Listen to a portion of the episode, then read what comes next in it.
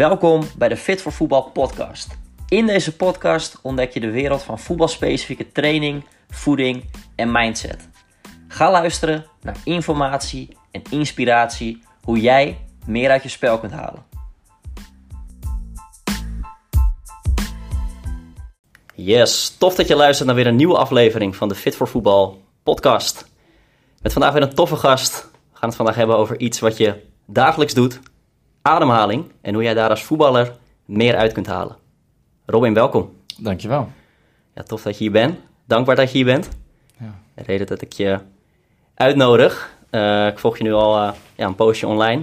Ik zie mooie dingen voorbij komen en ik zie ook wel een gedeelde missie daarin om te kijken, hè, wat kunnen we, als we dan bijvoorbeeld over voetbal hebben, wat kan je naast het veld doen in je levensstijl om op het veld nog beter te presteren?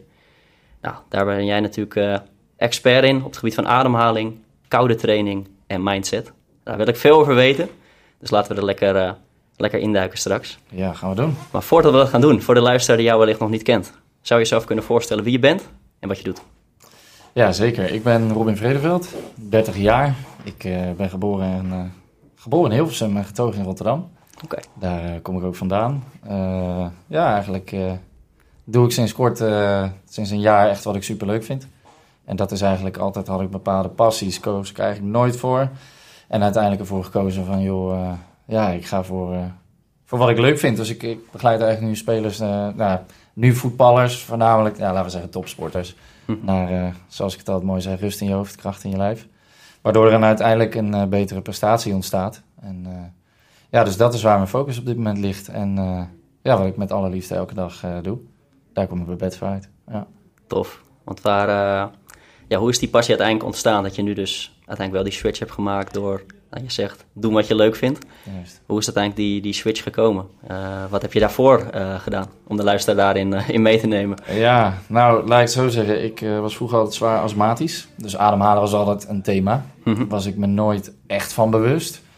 Maar later, ja, er gebeuren dingen. Of je doet dingen die niet helemaal in lijn zijn met wat je wilt.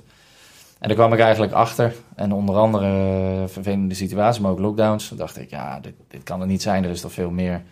En ik had altijd eigenlijk een soort van hobby. En dat was ja, een stukje coaching, begeleiding. Eh, en ik was altijd wel heel erg geïnteresseerd in menselijk gedrag. Hè? Waarom doe je wat je doet? Waarom maak je de keuzes die je maakt? Waarom denk je zoals je denkt? En uiteindelijk ben ik vanuit daar, zeg maar, ja, steeds verder gegaan. Boeken lezen, zelfstudie. Eh, op een gegeven moment zelf gewoon echt heel veel, ja, zelfs wetenschappelijke artikelen gaan lezen. Van oké, maar als dit gebeurt, wat is dan het effect? En, en zo kwam ik eigenlijk terecht in ademhalen, mindset, koude training. En dat ben ik eigenlijk allemaal gewoon gaan combineren tot, ja, ik, eh, waarom kies ik voor één ding? Dus ik vind veel meer dingen leuk en wat is dat allemaal samenvoeg. Eh, en dan niet per se allemaal methodes, maar echte principes. Dus echt als ik helemaal naar de bron ging, dan had de bron had bepaalde principes. En vanuit die principes ging ik dat benaderen. En toen dacht ik, joh, hoe kan ik dan eh, vanuit de shit, als het ware, die ik zelf heb ervaren in mijn bestaan, hoe ik daar zeg maar uit een minder goede periode naar een goede periode ging. Toen dacht ik, hé, hey, als ik dit kan, dan kan een ander dat ook. En vanuit daar is het eigenlijk ontstaan dat ik dacht van, dat wil ik doorgeven. En zo eh, ben ik eigenlijk begonnen. Ja. Tof, ja, hele switch. eh, ja. En daarvoor werkte ik als een beleidsadviseur. en daarvoor als marketing communicatie manager slash adviseur. totaal iets anders. Ja, Ja, ja, in een hele stressvolle wereld waar 9 van de 10 mensen eh, voor een letterst een burn-out hebben. ja. En toen dacht ik, eh, na twee burn-outs, ook van, ja, ja, hoezo is dat de normaalste zaak van de wereld? Dat kan het niet zijn. Dus ik ging eigenlijk stress onderzoeken. Hoe komt het nou? Waardoor ontstaat stress? Wat gebeurt er met een lichaam in stress? Hoe kan een lichaam omgaan met stress? En, en hoe kunnen we daar onszelf uitbrengen, bewust? Ja. ja, en dat ben ik eigenlijk helemaal gaan onderzoeken. En vanuit daar, ja, dat gaan, uh, gaan doorgeven, zeg maar. Ja. ja. dus vanuit je eigen ja, shit, om het zo te zeggen, die je hebt meegemaakt. Jezelf eigenlijk als, ja. uh, ja, als proefpersoon eigenlijk om dat allemaal toe te passen. Hè? De ja. koude training, de mindset, uh, de ademhaling. Om vanuit daar anderen te helpen. Ja, en vanuit daar dacht ik ook bij mezelf, als ik het bij mezelf kan... en ik kan het na deze hoeveelheid shit, ja. dan kan een ander dat ook. En ik heb sowieso iets, als ik het kan, kan iedereen dat. Ja. Eh, ja, en dat wil ik eigenlijk eh, zoveel mogelijk bewustzijn in creëren, maar ook door kunnen geven aan een ander. Ja. En waar, waar moeten we dan aan denken? Wat voor shit? Dat is natuurlijk best wel een duistere kant waar ik wellicht eh, Ja. naar vraag. Als je er natuurlijk iets over Ja. wil delen voor de luisteraar die zich misschien ook wel eh, herkent daarin. En daar ook ja, stappen in wil maken. Ja, nou, ik vind altijd, zeg maar, dat we leven in een maatschappij waarin, zeg maar, die kant vaak niet aanwezig mag zijn. Hè, dus die, die kant, dualiteit is, hè, het is eh, zwart en wit, het is dag en nacht. En eh, als jij die andere kant van jezelf, dus een lichte of een duistere kant, laten we het maar zeggen, Mhm. van jezelf niet accepteert, breng je altijd maar de helft van jezelf. Eh, waar ik denk van, het moet altijd maar goed gaan. Dat betekent dus eigenlijk, het mag nooit verkeerd gaan, het moet altijd goed gaan, ik mag niet verliezen, ik moet altijd winnen. En voor mij was dat, als dat jouw definitie is in het leven voor winnen, succes en geluk en voldoening, of zingeving vooral, ja, dan, dan is dat altijd maar, accepteer je eigenlijk maar 50% daarvan. En ik had daarvan zoiets, als ik terugkijk naar mijn verleden en Mhm. tegenslagen, ehm, is die donkere kant nodig geweest om te komen waar ik nu ben. En dan ben ik, had ik het mee willen maken? Nee, maar ik ben er onwijs dankbaar voor dat het is gebeurd. Ja. Want het heeft me in, stel- in staat gesteld om te doen wat ik nu doe. En vanuit daar spreek ik vanuit een ervaring. En die ervaring kan ik doorgeven. Dus dan ben je eigenlijk, ik zeg het maar, het klinkt misschien een beetje zwaar. Het ligt in de duisternis voor een ander. Zodat ook die ander uit die duisternis kan komen op het moment dat ze daar zitten. Ehm, ja, dat, dat drijft mij om dat ik, mijn, mijn why is eigenlijk, ik wil niet dat iemand zich voelt zoals ik me vaak heb gevoeld. Ja. En als dat jouw startpunt is en het kan naar beter, dan zijn we bij beter. Oké, hoe kan het dan goed gaan en hoe kan ik je daarna in staat stellen om echt zeg maar niet meer te stoppen te zijn. Dat je echt kiest voor wat jij wil, wat jou drijft en wat jouw passie en innerlijke drijfveren zijn. Eh, ja, en dat is wat ik uiteindelijk nu doorgeef. Ja. Precies, dus vanuit die duisternis, zeg maar, dat is natuurlijk heel donker. Uiteindelijk weer naar het, ja, het licht toe als een... Je moest het wel echt aan gaan kijken, wat je, wat je echt, denk duidelijk aanstipt. Ja, en, En, ik- en dat is ook wel ja. een veel voorkomend probleem, denk ik. Zeker, We durven en- niet naar binnen, binnen te gaan. Nee, zeker niet. En, en dat is wel nodig, zeg maar. Ja. Een probleem los je niet op op het niveau waarop het is ontstaan. Dus dan moet je altijd weer kijken, hoe kan ik naar het volgende level gaan in mezelf? En daar is die donkere kant voor nodig. Ja. En ik had van een, een van mijn eh, inspiratiebronnen, eh, was ik mee bezig en die zei eigenlijk een nieuwe dag. Hoe laat start een nieuwe dag? Om 12 uur. Het is altijd donker om 12 uur. Dus nieuwe, een nieuwe start, start in het donker. En vanuit Mm. daar wordt het licht. En het laatste uur voordat de zon, zon, eh, zon opkomt, is het donkerste uur. En daar, dat inspireerde mij om ook te denken van... hey, soms is die donkere kant nodig om uiteindelijk daar de lessen in te pakken, die mee te nemen. En vanuit daar een betere, ja, beter mens te worden. En vanuit daar de sporten te optimaliseren. Of hè, de, de ondernemer, de werknemer, maakt eigenlijk helemaal niet uit. Nee. Maar de principes voor mij zijn daarin universeel. Of je die nou toespitst op een topsporter, op een ondernemer, wat trouwens ook topsport is, Ja. eh, of gewoon op iemand die gewoon in loondienst is. Dat maakt eigenlijk niet uit, want we ervaren allemaal shit. Alleen hoe we daarmee omgaan, dat maakt het verschil. Dus welke betekenis geef jij aan een gebeurtenis, vervolgens aan de gedachte over de gebeurtenis en hoe je daarop reageert. En hoe beter jij daarmee leert omgaan, hoe beter je daarop leert reageren, hoe beter jij in staat bent om daar een positieve wending aan te geven voor jezelf. Ja. Ja, mooi, eh, mooi ook dat je zegt, het is universeel. Ik hoorde laatst ook wel een mooie, ben je een voetballer of ben je een mens die voetbal speelt? Exact. Ehm, ja, dan alleen maar het label. En misschien rust daar ook nog wel een taboe op, hè, als we het dan hebben over de mentale kant. Om dat ja, niet te openbaren eh, binnen een sport. Om, om niet die kant op te gaan of om niet... eh, maar iedereen heeft inderdaad shit die die Ja. meemaakt. Een blessure, eh, andere tegenslagen, privé. En dat neem je ook allemaal weer mee als mens ehm, in je spel. Ja, zeker. En, en, en gelijk een mooie ingang. De buitenwereld ervaart vaak, hè, een voetballer verdient veel geld, dus die moet niet klagen, die mag, dat, die mag niet daarmee bezig zijn. Ja. Hij verdient een paar ton of whatever.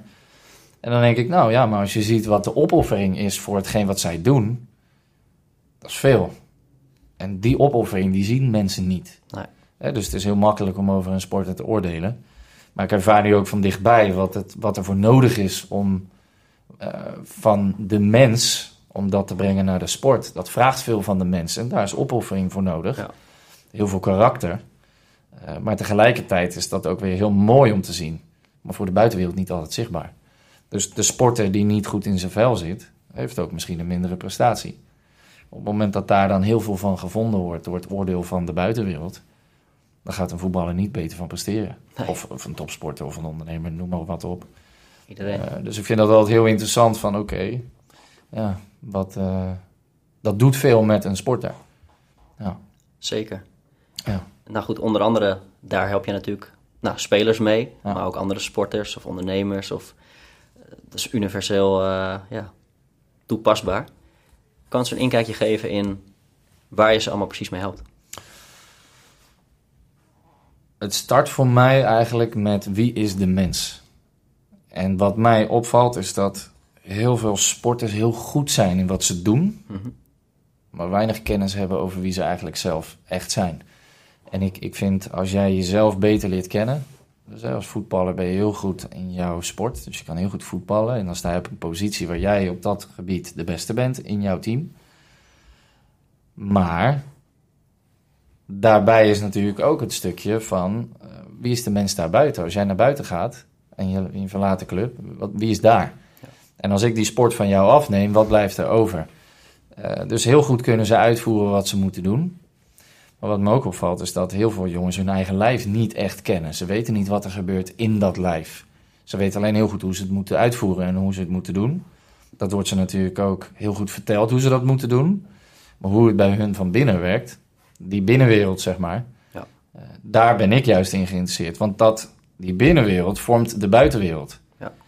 En daar zit voor mij, hé hey, wacht, als jij beter leert begrijpen wat die binnenwereld doet, dan kun je dat meenemen de buitenwereld in. En dat maakt jou dus ook of niet, zeg maar. Dus het maakt je of niet. Dus daarin ben ik ook wel heel erg eh, geïnteresseerd in puur, je kan goed voetballen, oké, maar wie ben je nou eigenlijk? Ja. En dat gaat misschien altijd heel diep, maar ik denk wel dat als jij precies weet wie jij bent, waar jij voor staat, dan weet je ook waarom je het doet. Dus dat zit hem vooral in vragen stellen aan de atleet. Bijvoorbeeld. Of Ja, ik, ik wil hem als eerste eigenlijk... stap. Ja. Ik, ik vind altijd, als ik jou kan laten afvragen waarom jij dat doet, en jij kan jezelf daar het antwoord op geven, dan unlock je eigenlijk informatie wat er eigenlijk al was, waar je nog niet bewust van was, maar wel wordt van wordt. En als dat gebeurt, ja, dan ontstaat er in de sporter inzicht. En als ik inzicht geeft helderheid. Vanuit helderheid kan vertrouwen ontstaan. En vanuit daar kunnen we werken. Precies, dat is dus een van de eerste stappen die je zet. Stel een atleet komt bij je of een ondernemer, dat maakt op zich niet uit, denk ik. Nee. Maar laten we het bijvoorbeeld nu op de sport toesplitsen. Ehm, ja, hoe pak je het verder aan? Hoe, wat zijn volgende stappen die je daarin neemt? Nou, wat ik eigenlijk doe is, eh, een sporter doet iets waar hij goed in is. Hm. Alleen in de uitvoering is er altijd ruimte voor verbetering. Sporters die eigenlijk zeggen van, het is voor mij, ik, ik ben al de beste en ik doe het al goed. Dan denk ik, dat zijn juist de jongen, er is altijd ruimte voor verbetering. Je bent een oneindig proces van groei. Als je tevreden bent, moet je groter gaan denken. Dat zo zie ik het, hè? Ja. En dat is ook direct het verschil tussen de echte top en, eh, en, en, en de subtop, laten we het zo stellen. Ja.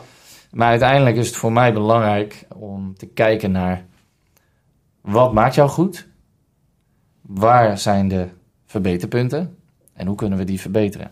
Zodat uiteindelijk jij als sporter en als mens vooral beter accelereert. Voor mij is mijn eerste drijfveer ademhaling. Maar wat je heel vaak ziet, mij gaat het dan om een, het hebben van een functionele ademhaling. Maar wat ik eigenlijk vaak zie, en dat is eigenlijk bij hè, merendeel van gewoon überhaupt de mens. We verkeren in een staat van zijn, waarbij we bijna altijd chronisch in stress verkeren. Sporten is stress voor het lijf. Na die stress wil je naar rust. Dat, dat zou normaal gesproken gewenst zijn. Als jij daarna nog een keer gaat sporten en nog een keer iets gaat doen, of een event meemaakt waar stress in, in het dagelijks leven eh, op, op je dak komt, Mhm. dan ben je dus veel in stress. Dan wordt de hersteltijd korter. Daardoor wordt de kans op een blessure groter. Die kans willen we zo klein mogelijk maken. Nou, dat start met de basis. De basis is ademhaling. Hoe adem je? En je doet het iedere dag, je doet het elke minuut, zo'n 20.000 keer. Ja. En daar is voor mij de winst te behalen. Is hoe je één ding doet, doe je alles. Hoe kunnen we dat alles zo goed mogelijk uitvoeren? Door er bewust van te worden. Ja. Precies. En als we daar gelijk op inzoomen, ademhaling, het lijkt zoiets gewoons van we doen het. Maar waarom zou een voetballer daar uh, mee bezig moeten zijn? Hij doet het elke dag. Ja. Maar het is ook vaak de eerste beperking van een sporter. Dus ademhalen, als ik tegen jou zeg, je kan nog zo'n goede conditie hebben. Maar als jij aan het einde van die sprint van 50 meter helemaal buiten adem bent, dan treedt die ademprikkel op. van, ik moet ademen, ik, moet, ik heb meer nodig. En daar kunnen we winst behalen. Dus dat houdt in dat we gaan, moeten gaan kijken hoe adem je nu. Als jij volledig door je mond ademt, en dat doen veel sporters, dan betekent dat dat je eerder uit je energievoorraad bent. Als je eerder uit je energievoorraad bent, dan ga je al op je reserves lopen. En als je dat dan nog doet, dan is die reserve op, ga je verzuren, ben je kapot. En dan ga je in de 60ste minuut ga je naar de kant, want je kan het niet meer belopen is ook gelijk de reden waarom in de laatste minuten van wedstrijden, als je kijkt naar de cijfers, de meeste doelpunten vallen. Er is een gebrek aan focus, er is een gebrek aan helderheid, maar ook een gebrek aan de juiste hoeveelheid energie. En als we die energie leren managen, dan hebben we meer over, kunnen we eigenlijk meer uit onszelf halen. En dat start gewoon simpelweg met de basis. En voor mij is de basis ademhalen. Ja. ja. Hoe zou jij een, hoe zeg je dat? Een, een basisademhaling. Wat is in jouw ogen de de juiste ademhaling als we het dan hebben over functioneel ademen? Wat is dat in jouw ogen? Ja, ik denk niet dat er per se een goede of een slechte ademhaling is. Mhm. Er is alleen wel een functionele ademhaling en een dysfunctionele ademhaling. Ehm, wat je ziet is als je iemand door de mond ademt, dan verliest hij meer vocht. Dat houdt dus ook in dat hij meer CO2 afblaast. Dat houdt dus ook in dat als hij dat vaker afblaast, dat hij minder zuurstof kan opnemen afgeven, waardoor het lichaam sneller in die energievoorraad moet gaan voeten. dus je hebt je anaerobe systeem, je hebt je aerobe systeem. Aerobe systeem is ik kan werken met mijn zuurstof. Mhm. Anaerobe systeem is ik kan dat niet meer. Ik ga interen op mijn reserves. Je wilt, zo snel, je wilt eigenlijk een, een sporter trainen om in die zones goed te kunnen accelereren. En dat start dus met een goede functionele, dus dat wil niet zeggen goed, maar het start met functionele ademhaling. Wat is functioneel ademhalen? Als ik jou door de mond zie ademhalen, dan zie ik je borst heen en weer gaan. Maar je buik blijft stil. Als jij functioneel ademt, dan beweegt je buik en je borst in stilte. Hoor ik je bijna niet, tenzij je echt in, in, in de, aan het sporten bent natuurlijk. Maar daar ligt al de eerste stap naar, naar winst. En als jij door je neus ademhaalt, dan heb je en gefilterde lucht. Ja. Dan kan je langer als het ware in dat aerobe systeem blijven functioneren. Waarbij je kunt werken met zuurstof. Als je dat beter kan, houdt dus ook dat je meer uit jezelf kunt halen. Ja.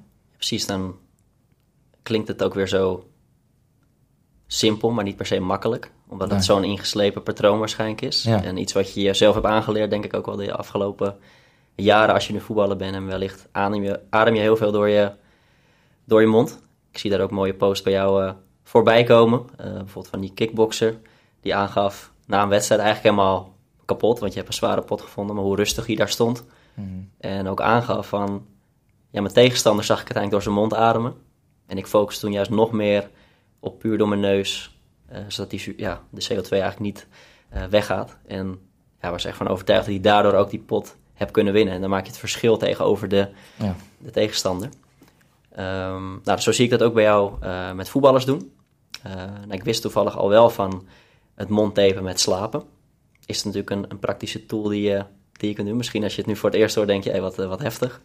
Uh, maar ik zag je dat ook doen, uh, nou, bij jezelf, in Rotterdam, hè? Uh, hardlopend, maar ook spelers die je begeleiden in pre-season. Ja. Ehm, kan je ons daar een kijkje meegeven wat er dan precies gebeurt? En waarom dat belangrijk is voor een sporter om daarmee aan de bak te gaan? Ja, in principe is, het, is voor mij is, start het met de bewustwording. En vervolgens gaan we daarmee aan de slag. Dus ik wil eerst, ik wil eerst een jongen uitleggen. Hoe werkt nou mijn lijf en welke kans schiet het op als ik bepaalde dingen wel of niet doe. Dus dat begrijpt, als jij dat begrijpt, dan begrijp je dus ook als ik dit doe, als ik A doe, dan gebeurt dit. Als ik B doe, dan gebeurt dit. Hiermee raak ik in rust, hiermee raak ik in stress. Hiermee activeer ik die kant van mijn zenuwstelsel en hier activeer ik de stresskant van mijn zenuwstelsel. En daar ergens in het midden, door meeste daar weer balans in vinden. Zoals jij elke dag onwijs daar druk mee bent met trainen, dan wil je aan de andere kant, wil je het ook aan de andere kant van die spanningsboog, wil je ook die rust toevoegen. En dat start daarmee. Ehm, maar inderdaad, wat je zegt, het mond aftapen, dat zorgt er eigenlijk voor dat je leert hoe je door je neus moet ademhalen. Dus die ademhalingsspieren, die moet je trainen. En als je die nooit goed getraind hebt, omdat je dat nooit zo geleerd hebt te doen, maar ook nooit doet, of onvoldoende doet, zijn woorden als altijd en nooit altijd gevaarlijk. Uh, maar als je dat te weinig doet, ja, dan betekent dat dus dat je als je dat systeem niet gebruikt, dat is eigenlijk hetzelfde als dat ik tegen jou zeg, ga de bench pakken in de gym. Uh, en jij zit op 100 kilo en je gaat vervolgens zes weken niet meer trainen. En je komt die gym weer in en je pakt die 100 kilo weer op. Dat gaat niet. Nee. Dus dan, if you don't use it, you lose it. Dus uiteindelijk gaat het erom, word er bewust van, ga het toepassen en dat vergt tijd. En die tijd, die gaan we gebruiken om daar te zorgen dat je functioneel kan gaan ademhalen. En dat start er ook mee hoe je dat dus gaat doen.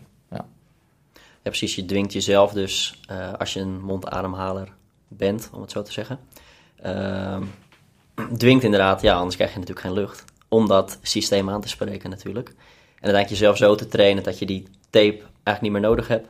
En vanuit daar verder, verder kan eigenlijk. En, en met een betere uh, neusademhaling kan gaan trainen, maar vooral ook spelen uiteindelijk. Ja, en in het begin, hè, dat is dan als je wel eens tegen een uh, voetballer zegt die op een bepaalde manier, laten we zeggen topsporter, die op een bepaalde manier is geconditioneerd door zijn omgeving hè, in de sportwereld. En je zegt, je moet door je neus halen, maar dan zegt hij, door mijn neus halen is niet mogelijk. Oké, als jij dat, als dat jouw overtuiging is, overtuiging. dan moet je het ook niet doen. Ja. Dan gaan we het toch niet doen. Nee. Op het moment dat je dat wel gaat doen, dan ga je erachter komen dat in eerste instantie dat lastig is, ja. Dat we na, naarmate we daarin vorderen, dat je misschien in eerste instantie inteert op de prestatie. Hè? Dat je nog niet op dat niveau waar je normaal gesproken presteert, die ademhaling zo kan toepassen. Maar op het moment dat we dat wel kunnen, dan gaan we die prestatie die je altijd leverde, nu op een efficiënte, functionele manier leveren. En op het moment dat je dat kan, daar ligt je winst. Ja. Ja, wat je nu zegt, dat slaat de spijker op zijn kop qua overtuiging, wel herkenbaar ook bij, uh, bij spelers. Van de week toevallig ook een mooi gesprek over. Uh, je overtuiging bepaalt uiteindelijk je gedrag. Ja. En je gedrag weer je resultaat. Ja. En uiteindelijk als ze inderdaad merken dat het resultaat anders is, ja, dan is het natuurlijk een coach of iemand die die spiegel inderdaad voorhoudt. Dan moet je in die bovenste laag wellicht inderdaad starten. Qua Zeker. overtuigingen, wat jij gelooft over ademhaling, ja. is uiteindelijk ook wat je ziet in, in het gedrag natuurlijk en in het resultaat. Zeker, en, en misschien aanvullend op dat. Wat jij gelooft is jouw waarheid. Ja. Dus dat is waar. Ja. Maar als jij open staat voor een andere zienswijze, misschien een holistische visie, dan kun je die, dat bewustzijn wat daarop rust, kun je verruimen, verbreden. En vanuit daar ontstaat groei. Ga het gewoon doen. Heb geen oordeel. Ga eens kijken wat het voor je kan betekenen. En dan wordt dat jouw waarheid. En op het moment dat die perceptie daarop verandert, dan verandert het voor jou. En dat zorgt ervoor dat je daarin nog meer uit jezelf kan halen. Dat betekent dan altijd, ik moet meer uit mezelf halen? Nee, misschien niet. Maar als topsporter wil je elke dag weer je groeien. Voor mij zal dat de regel 1% groeien. Elke dag is over 100 dagen 100% groeien. Ja. Nou, dat 100 dagen is drie maanden. En wat sporters van zichzelf vaak verwachten is, ik moet nu de beste zijn. Ik durf te wachten. Zie het als het proces en niet als het doel. En ga vanuit daar verder. Ga vanuit daar groeien. En, en dat is ook wat ik probeer uh, mee te geven. Is, we kunnen niet in één dag volledig dit proces aangaan en morgen adem je 90 minuten door je neus. Nee, dat heeft tijd nodig. Ja. En ben jij dan vervolgens bereid, één, je bewustzijn te verruimen en twee, bereid de investering te doen. Als je bereid bent de investering te doen, dan gaan we met elkaar in de bak en dan gaan we ervoor zorgen dat je dit eigenlijk kan. Precies. Dat, dat start met vertrouwen. Ja. ja. Daarom waar je aandacht op richt, dat, dat gaat groeien. Ja, zeker. En welke overtuigingen zitten daar, uh, daarachter natuurlijk. Ja. Ja, mooi. Kan je wat over zeggen? Ehm nou ben ik hem even kwijt. Kom er zo wel weer op. Nee, dat is helemaal goed. Natuurlijk duizenden vragen en onderwerpen poppen dan eh, gelijk Juist, op. ja. Hier kan je natuurlijk ook uren, uren over praten. Ja, vraag maar raak. Ja, zeker, zeker. Ehm, nou ja, je helpt topatleten dus in, maar ook ondernemers dus in ademhaling, mindset en in koude training. Dus die combi zorgt uiteindelijk dus voor rust in je kop en kracht in je lijf. Ja. Dat is natuurlijk jouw ja, methode. Mhm. Ehm, Nou, ik heb niet eens... of, dat- of methode. ik heb geval. eigenlijk geen methode, want, Nee. want dat, dat is wel waar ik... eh nou, oordeel. Ik geloof niet in een methode. Een methode is, eh, wij zijn WC Eend, wij zijn de beste. Ja, precies. Ik heb altijd zoiets, een methode is gebaseerd op de principes. Ja. En de principes zijn gebaseerd op een bron. Ik wil altijd naar de bron gaan. Wat gebeurt er als je dit doet? Wat gebeurt er als je dat doet? En vanuit daar gaan we kijken hoe kunnen we die principes inzetten om jou als mens, en dus als sporter of ondernemer of whatever, te optimaliseren. Dus ik ben zelf altijd wel met een methode is eh, vaak ego-based, om het maar zo te zeggen. Dit is wat wij doen, daar vestigen we iets op en daarom zijn we de beste. En denk nee, laten we gewoon kijken naar de principes en laten we die principes inzetten om jou daar beter in te maken. Ja, dat kan ook voor iedereen natuurlijk weer anders zijn. Misschien Ja. moet je iemand anders net anders benaderen of, of aanpakken om dat resultaat te boeken. Juist. Dus eh, en ik, wil, ik weet al wat ik wilde, wilde zeggen daarover. Je had het een beetje over de quick fix mindset, die toch nog wel, eh, wel leeft. En dat merk ik ook wel eh, ja, bij voetballers die je wel eens natuurlijk tegenkomt op Instagram. Die zijn eigenlijk op zoek naar snel. Die willen binnen vier weken, als je het dan hebt over het fysieke, de snelste zijn, et cetera. Die willen gewoon een schemaatje. Hetzelfde met voeding. Eigenlijk alles moet snel, snel, snel. Kijk, de maatschappij zelf, daar werkt er natuurlijk ook niet aan mee. Alles, eh, alles kan lijkt wel. En alles kan tegelijk. Alleen, ja, dat is wel een illusie. Dus daarom vind ik het mooi, eh, mooi dat je dat aanstipt. En zo werkt het dus ook inderdaad met ademhaling. Dat is ook niet, nou, ligt eraan hoe oud de luisteraar natuurlijk is. Maar die bepaalde ademhaling die ze op dit moment doen, die was er ook niet in binnen een paar weken. Dat is ook jaren overheen gegaan. En Ja. als je inderdaad eens drie maanden lang bijvoorbeeld focust 1% te groeien elke dag, dan moet je eens kijken waar je dan staat. Nou, dat zeg je mooi. Kijk, ik zeg altijd voor de korte termijn bezig goed als je intensiteit. Dat zijn ook al de mensen die zeggen binnen vier weken heb jij het atletische lichaam. Maar die gaan vier weken knallen en na vier weken stoppen ze er weer mee, vreten ze zich weer vol en houden het op. Ja. Dan moet ik ook zeggen, eten is ook mijn blinde vlek. Ik hou van eten. maar voor de lange termijn, hè, dus voor de korte termijn bezig goed is intensiteit. En voor de lange termijn bezig goed is dat je consistent bent. Consistent is duurzaam. De intensiteit is dat niet. Ja. Dat is dus korte termijn versus lange termijn. En wat maakt iemand nou een goede topsporter? Dat is niet dat hij één goede wedstrijd heeft gehad. Nee. Dat heeft er niet mee te maken dat hij één, goede, één goed seizoen draait.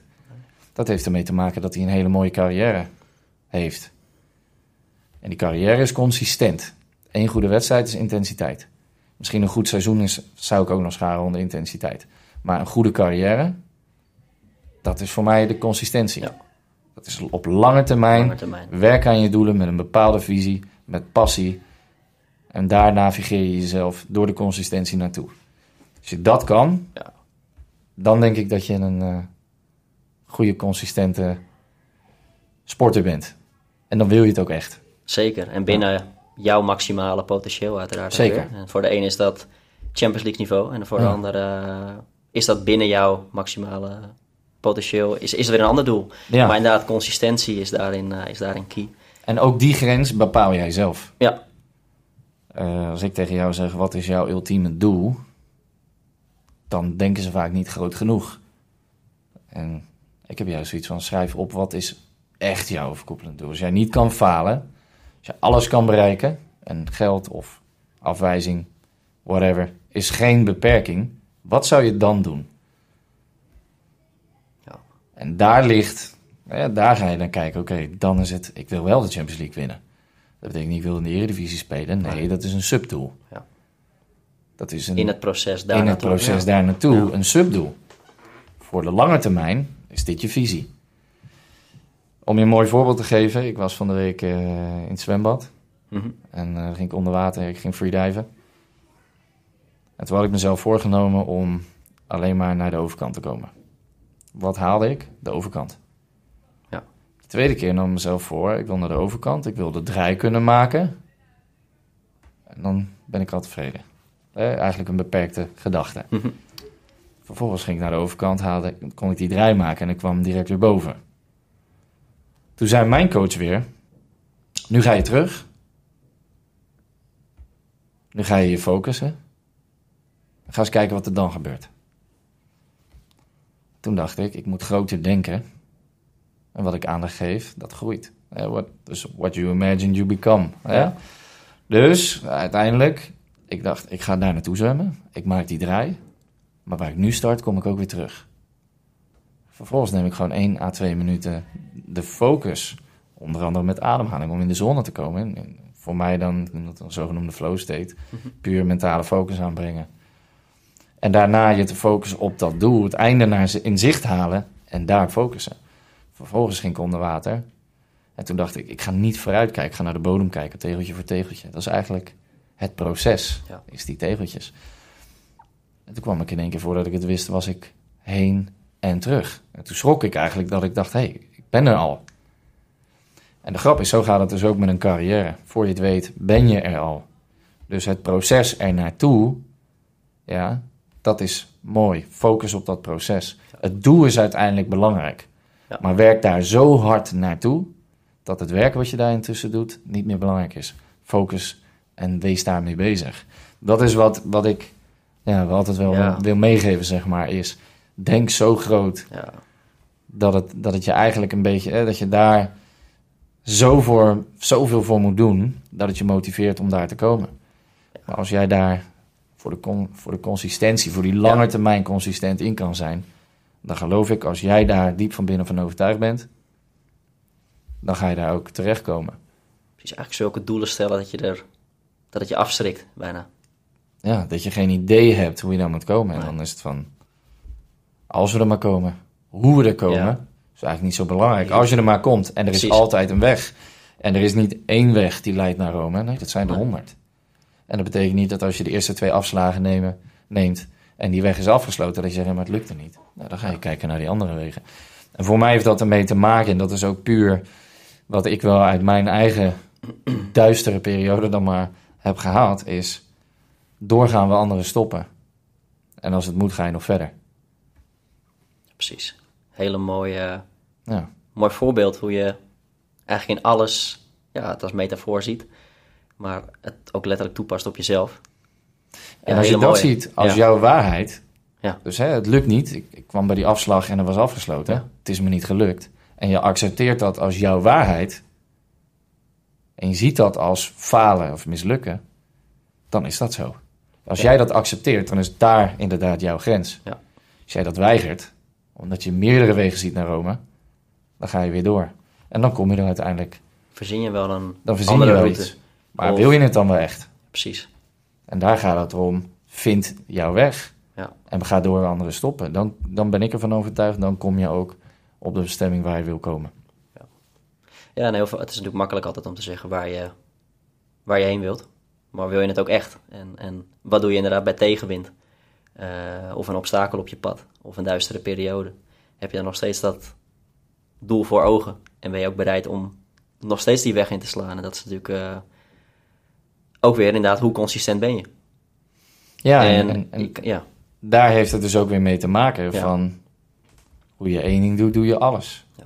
Dus als jij inderdaad een duistere periode hebt. Als je faalt. Je faalt pas wanneer je stopt. Ja. Maar als het niet lukt en je gaat door, dan faal je niet. Dan leer je en dan neem je die les mee en dan ga je door. En Will Smith zei dat altijd heel mooi: fail forward. Vooruit falen. Ja. Leren, les mee oppakken, door.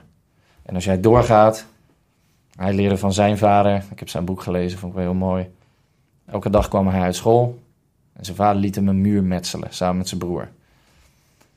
En elke dag moesten zij weer een nieuwe muur bouwen. Die muur moest verder, moest af. Ja. Hij zei op een gegeven moment, ik weet niet meer waarvoor ik het doe. Zijn vader zei, niet zeuren, doorgaan. Ja. En hij heeft nu in zijn leven, elke tegenslag is een another brick. Wanneer het zwaar wordt, it's just another brick. We blijven metselen, we blijven doorgaan. En op een dag is die muur af. but it's just another brick. Dat vind ik altijd mooie voorbeelden van doorgaan wanneer anderen stoppen. En dat is uiteindelijk zijn kracht geworden, wat, toen, wat hij toen verschrikkelijk vond. Daar wilde zwaar iets aandoen. Ja, Werd vervolgens zijn motivatie om door te gaan wanneer het tegen zit. Dus dat is altijd wel wat ik wil, eh, wat ik zelf heel mooi vind. Wat mij motiveert is, wanneer er een tegenslag is, dan denk ik inderdaad terug aan zo'n moment. Het is just another brick. precies. Het is onderdeel van het proces om Ja. daar weer te komen. Ja, en als je die dualiteit kunt accepteren, dat het voor en tegen zit, en je ook door kunt gaan als het tegen zit, Ja. daar zit een winnaar in. Ja. In die donkere periode wordt een winnaar geboren. Je hebt ook de Hero's Journey. Batman, voor bijvoorbeeld, Ja. komt natuurlijk uit die grot, was bang voor vleermuizen, tot hij op een dag terugging. Ja. En erachter kwam dat dat zijn kracht was. En toen werd hij Batman. Precies, hij ging naar de duisternis toe. Exact. Ja. En soms moet je daar dus naartoe om naar dat licht te stappen en dan word je de held.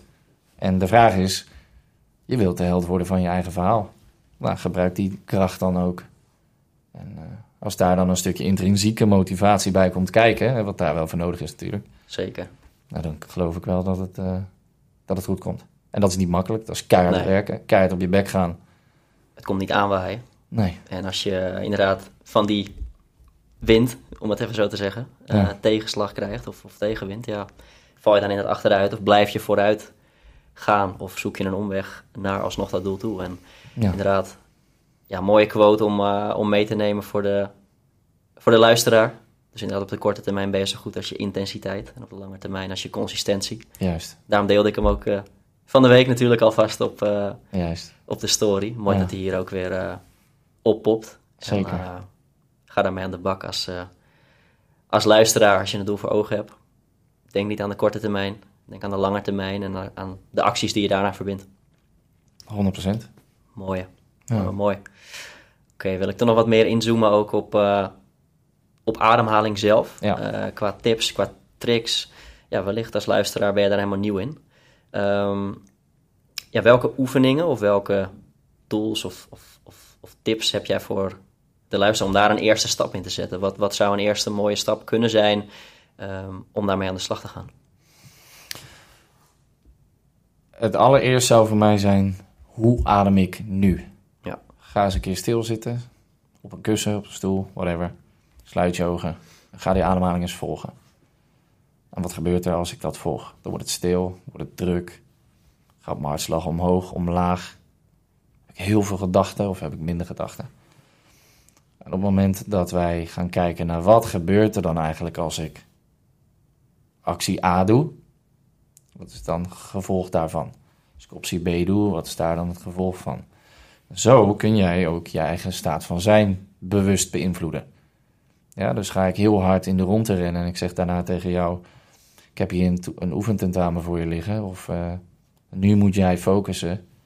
En ik laat jou keihard om dit gebouw heen rennen waar we nu zitten. En ik zeg: Nou, hier, focus maar op deze toets. No way dat jij focus hebt. Nee. Dat is wat mensen structureel doen rennen, rennen, rennen. En dan verwachten ze wel de juiste focus en resultaten. Als jij bewust terugschakelt in jouw staat van zijn.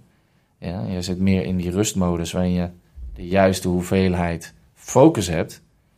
Dat betekent dat je in de zone bent en klaar bent om je doel te bereiken. Hè? En daarmee, dus voor mij zou dat zijn, word eens bewust van je staat van zijn. Wat is dat op dit moment? Ben je vaak in stress en hoe komt dat? Sommige mensen stellen mij wel eens de vraag, ik ben altijd gestrest. En ik heb geen idee hoe dat komt. Wat heb je deze week gedaan dan?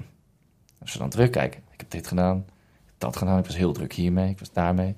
Oh ja, toen moest ik ook nog Ja. naar die verjaardag op zaterdag. Moest ik, daarna moest ik door. Ja. Vind je het dan gek dat je gestrest bent? Voor mij is dat een logisch gevolg daarvan. Gelijk misschien een mooie brug naar blessures voor voetbal of voor topsporters wederom. Als jij altijd aanstaat, sta je altijd paraat. Jouw lijf staat altijd aan. Dat lichaam gaat dan te weinig uit. Hersteltijd is te kort.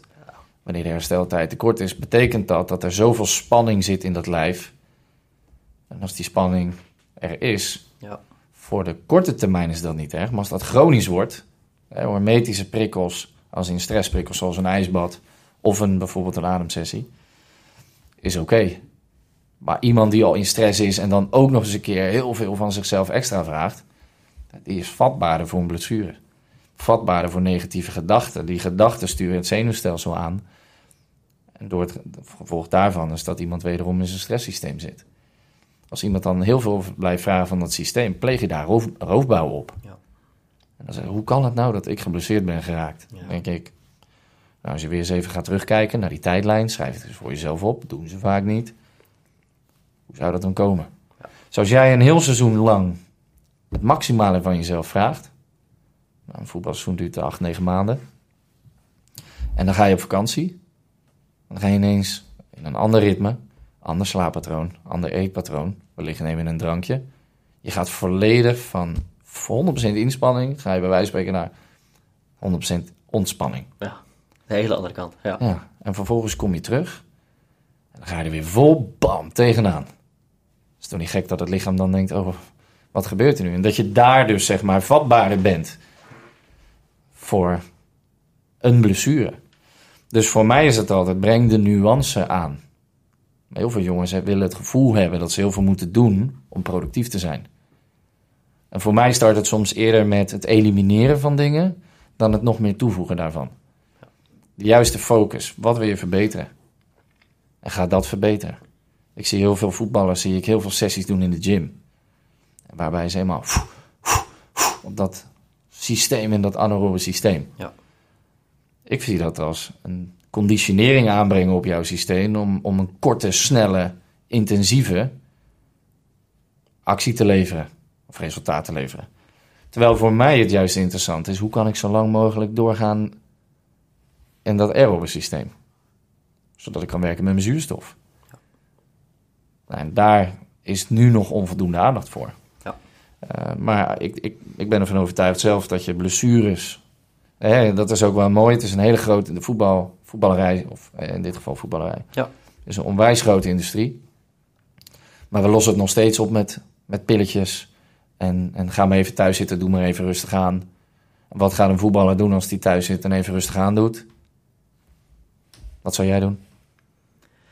Nou, wat je nu veel ziet, in ieder geval, daar kan ik wel antwoord op geven, is dat de, bijvoorbeeld de, als je het al hebt over zittijd, et cetera, of uh, het mobiel gebruik, uh, videogames, et cetera. Bijvoorbeeld. Dat soort dingen, uh, weet ik wel, dat spelers dat veel doen, waardoor je eigenlijk weer, ook weer stress geeft. Je geeft weer prikkels. Je misschien train je wel veel, maar er is natuurlijk wel een verschil tussen training en beweging. Mm -hmm. Dus je gaat weer zitten, of maar je bent alleen maar weer alles aan het opvullen. Dus je hebt misschien wel die leegte na een training. Maar dat ga je opvullen met scrollen op Instagram, YouTube, Netflix, etc. Niks mis mee. Op zich, ook weer korte termijn. Maar doe je dat weer chronisch, ja, dan kun je natuurlijk afvragen of dat uh, de juiste prikkels zijn. Ja. Als een voetballer geblesseerd is en er wordt verwacht, neem maar ontstekingsremmer, noem maar wat. Neem even drie dagen of vier dagen of een week rust, of whatever. Die gaat thuis zitten. Maar de vraag is, hoe slaapt hij? Hoe eet hij? Hoe ademt hij? En wat doet hij in zijn dag? Ja. Dus welke gedachten heeft hij? Gedachten vormen uiteindelijk weer de signalen naar zijn zenuwstelsel. Die gaat daarop reageren door in de ruststand te komen of in de stressstand te komen. Dus inderdaad, wat jij terecht stelt, als een voetballer inderdaad FIFA of Fortnite gaat zitten spelen, dan komt hij in zijn stresssysteem terecht. En herstelt hij minder goed. Ja. En het lichaam kan dan dus ook minder energie aanmaken.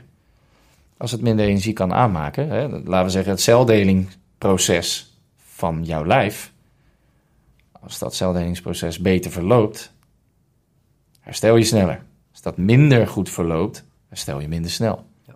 En blijf je vatbaar voor tegenslag. Dus daar is voor mij het interessante. Laten we kijken naar ademen, laten we kijken naar slaap, laten we kijken naar voeding, laten we kijken naar de mens. Ja. Wat doet de mens? Ja. Er wordt nu nog te veel gekeken naar wat doet de sporter. Ja, we hadden het in het begin over hadden. Ben je inderdaad een, een, voetballer of ben je een mens die voetbal speelt? En Ja. wat doet de mens daarachter? En naast het veld ook. Ja, en wat Vooral. Ja, naast het veld. Ja. Dus wat er daar gebeurt. Oké, Ja. hij is hier misschien vier uur. Wat gebeurt er in die tien uur die hij er buiten is? En er wordt er verwacht, nou, dat weten ze zelf wel. Dat is nog maar de vraag. Ja. Of dat zo is. Ja, dat is natuurlijk waar wij eh, spelers in coachen. Eigenlijk in alle uren naast het veld Ja. eh, hebben wij contact met de speler inderdaad over zijn training, zijn fysieke training in de gym of thuis, eh, in hun voeding, in hun slaap. Nou, dit zou een hele mooie aanvulling daar nog op, op zijn, willen we ook meer mee gaan doen. Maar wat ik inderdaad terug hoor, ook nog zeker in het profvoetbal, ik weet niet of jij die signalen eh, denk ik ook wel opvangt. Ze worden vrijgelaten in dat wat ze doen op het gebied van voeding. Ze worden vrijgelaten in hoe slaap je eigenlijk goed. Ja. Hoe rust je eigenlijk goed? Hoe adem je eigenlijk goed? Maar de vraag is dan weer, hoe weet je dat je goed slaapt? Hoe weet je dat je uitgerust bent? Hoe weet je hoe jij cognitief uitgerust bent na een nacht? Ja. En als je gaat kijken naar dat ritme daarin, daar ligt superveel winst te behalen. En dat is ook een calorie qua eten, dus laten we kijken naar voeding. Een calorie is geen calorie. Ik zeg altijd, witbrood is zero nutrition. Voor de korte termijn zo goed als intensiteit. Ja. Dus als jij een witte boterham neemt, leuk, maar een uur later ben je kapot. Ja, precies. Ja. Als jij goede, duurzame voeding eet en dat consistent doet, ga daar dan mee aan de slag. Dus we kijken continu, ik moet even deze boterham of ik moet even deze maaltijd hebben, want daardoor kan ik deze training goed doen. Nee, Ja. you're not thinking big enough. ja. Ga eens kijken hoe kan ik dat voor de lange termijn doet, doen. Maar omdat ze het altijd op deze wijze hebben gedaan, het heel moeilijk om daar natuurlijk die conditionering daarop op te veranderen. Voeding is niet per se mijn, mijn ding, Mhm. mijn expertise. Maar ik vind het heel vaak is het logica. Ja. Dat we kijken, ja, maar alleen maar pasta's en, en hoe voor een wedstrijd. Dan denk ik, oh, maar er zijn toch heel veel andere mooie opties inmiddels beschikbaar. En, en de wetenschap en de, en de kennis die er nu beschikbaar is, is veel beter dan hoe we dat 30 jaar geleden deden. Dus hoe kunnen we dat vandaag de dag optimaliseren? Dus laten we afstappen van de denkwijze, dit is hoe we het altijd hebben gedaan. Ja, heel conservatief. Ja. Conservatief, Ja. hè, want dan krijg je wat je altijd deed. Ja. Hoe kunnen we dat optimaliseren? Start met wederom open te staan om te leren. En af te stappen van het ego. Nee, maar dit is het. Oké, als dat dat is, is dat jouw waarheid. Mag. Maar zonde, heb een lerende houding. Ja. Ik had een boek gelezen, dat heet eh, Legacy van James Kerr. Gaat over de All Blacks, het beste rugbyteam eh, ter wereld. En daar staan hele mooie principes in, ook onder andere van veeg de kleedkamer. Heb karakter. En creëer daarbinnen een cultuur met karakters die daarin passen. En dat vind ik dus heel Ja. mooi. Is, en dat heeft te maken met karakter, dat heeft te maken met opoffering. En die doen daar alles voor. En, en daar ligt dan ook weer gelijk mooie winst. Ja. Eh, ja, en zo zijn er heel veel momenten waarvan ik denk, daar valt winst te behalen. Maar dat start met een lerende omgeving te creëren voor jezelf. De open te staan voor andere zienswijzen. Ja, 100% weer de spijker op zijn kop. En, en hoe vaak inderdaad ook wel niet een speler, hè, de- waar je het in het begin over had, ehm, wel niet vragen, wat moet ik op matchday eten? Heel korte termijn. Wat moet ik vandaag doen om straks over een paar uur eh, te presteren? Maar wat doe je inderdaad de rest van de week? Ja, Korte termijn inderdaad, die witte boterham, eh zootje jam erop, et cetera. Maar is dat ook optimale mensvoeding voor de lange termijn en voor jou weer als mens, voor je gezondheid? En ja, dat is ook een van de redenen waarom ik deze podcast ook ben gestart. Om ze ook inderdaad hè, verschillende dingen te laten zien. Nou, onder andere Richard Telet was hier natuurlijk de gast. Thomas de V in België, binnenkort weer eh, daar onderwerpen over. Om eens te kijken, wat is er nog meer? En ook als je kijkt inderdaad naar een Lewandowski. Nou, ik denk op dit moment een van de beste spitsen van de wereld. Als je kijkt wat hij eet, ja, dat is niet de standaard pasta, et cetera. Als Nee. je daar gaat inzoomen, die eet een beetje de vergeten groenten. Zoete aardappel, eh, knollen, et cetera. als jij Eh, alleen al ja. kijkt naar de logica. Ja, Appels, of laten we zeggen, bananen groeien hier niet in de zomer. Toch? Of in de winter, laten we zo zeggen. Mhm. In de winter groeien er in Nederland geen bananen, toch eten we ze. Mhm. Dus een pompoen groeit altijd in het najaar. Hè, oktober, november. Maar dan niet in de zomer. Wij eten voeding die niet seizoensgebonden is. Als wij seizoensgebonden gaat, gaan eten, hè, ons bioritme, ons lijf, raak, kan dat dan aan wennen. Op het moment dat dat niet kan, Ja, je lichaam heeft daar zoiets mee. Hey, het is hier min 10, maar ik ben wel aardbei aan het eten, maar die groeien er eigenlijk niet. Die komen uit een ander land. Terwijl daar ligt Ja. alleen al winst. Kijk, en nogmaals, ik wil zeggen, dit is niet per se mijn expertise, Nee. maar het start met bewustwording. Het is eigenlijk vaak is het gewoon logica. Ja. En daar, daar, ja, zelfs een, en dat wil ik ook nog zeggen, een gezonde maaltijd kan nog steeds ongezond zijn. Dus als jij een broccoli naar binnen werkt, kan die nog steeds ongezond zijn. Als jij een broccoli eet in je stresssysteem, en je bent dus niet in jouw zenuwstelsel als in de parasympathische kant daarvan, rest and digest. Als jij in fight-flight mode staat, dus je sympathische kant, Mhm. dan verteer je die broccoli niet goed, want je bent niet in de rest and digest. Nee. En dan gaat het, slaat het zich anders op. Super interessant. Zeker. Dus eten is ook timing. Eten is ook welke staat van zijn ben ik voordat ik mijn maaltijd nuttig. En 9 van de 10 keer weten we niet eens wat we nuttigen, want we zitten tijdens het eten op onze telefoon, we kijken naar de tv of we zijn aan het bellen of we hebben andere factoren. Dus dan vraag, hoe smaakte die ui tussen jouw eh, voeding? Ui? Ja. Omdat we geen idee hebben. Ik weet niet. Ik zat En- op YouTube of ik zat op Instagram. Ja, dat zijn precies. natuurlijk hele interessante eh, onderwerpen Zeker. waarvan ik wel eens denk, ja, hoe je één ding doet, doe je dus alles. Ja. Richard Telet zei dat ook mooi. Als je niet ontspannen eet, heb je dure poep. Bijvoorbeeld. Ja, want je gooit al die ehm, stoffen die je anders had opgenomen. Als je inderdaad wel in die ehm sympathicus zit, in die, in die ruststaat.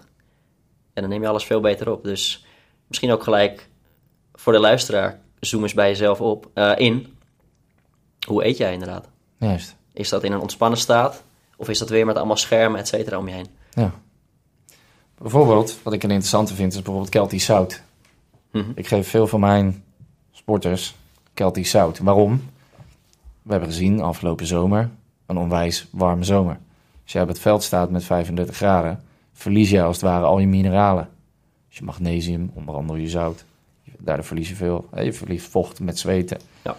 Op het moment dat jij Keltisch zout tot je neemt, kun je die mineralen, dat houdt vocht vast, kun je die mineralen ook beter vasthouden. Als gevolg daarvan zal je ook minder snel verzuren. Nou, dat vind ik dus allemaal interessante ja. tools. En voor mij, wat ik interessant vind, is... Dit gaat veel verder dan alleen ademhalen. Ja, Het is voor mij interessant om te kijken... hoe kan ik jou in je totaliteit begeleiden. Dan is ademhaling simpelweg alleen maar de start. Ja. Maar daar kunnen we meerdere dingen toevoegen. Zodat de eerste beperking niet je ademhaling is. Vervolgens dat verzuring later optreedt. En daar kunnen we tools voor toepassen. Dus hoe kunnen we dat toepassen? Door te focussen op de details.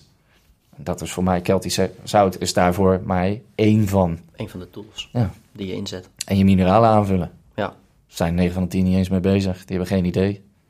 Het zal wel, ik zweet, ja, het zal goed ja. zijn. op gevoel. Maar wat verlies je? Je mineralen. Oké, als ik mijn mineralen verlies, moet ik dan die misschien niet aanvullen? Nou, we gaan kijken naar welke voeding heb je dan nodig om die mineralen aan te vullen, kun je die voeding bewust kiezen. En dan eet je dus ook functioneel, dan adem je straks functioneel, Ja. herstel je straks functioneel, waardoor jij als voetballer, of als sporter in dit geval, betere prestaties levert. Als jij je ademhaling op orde hebt, heb je rust in je hoofd. Heb je rust in je hoofd, dan zit je beter in je lijf.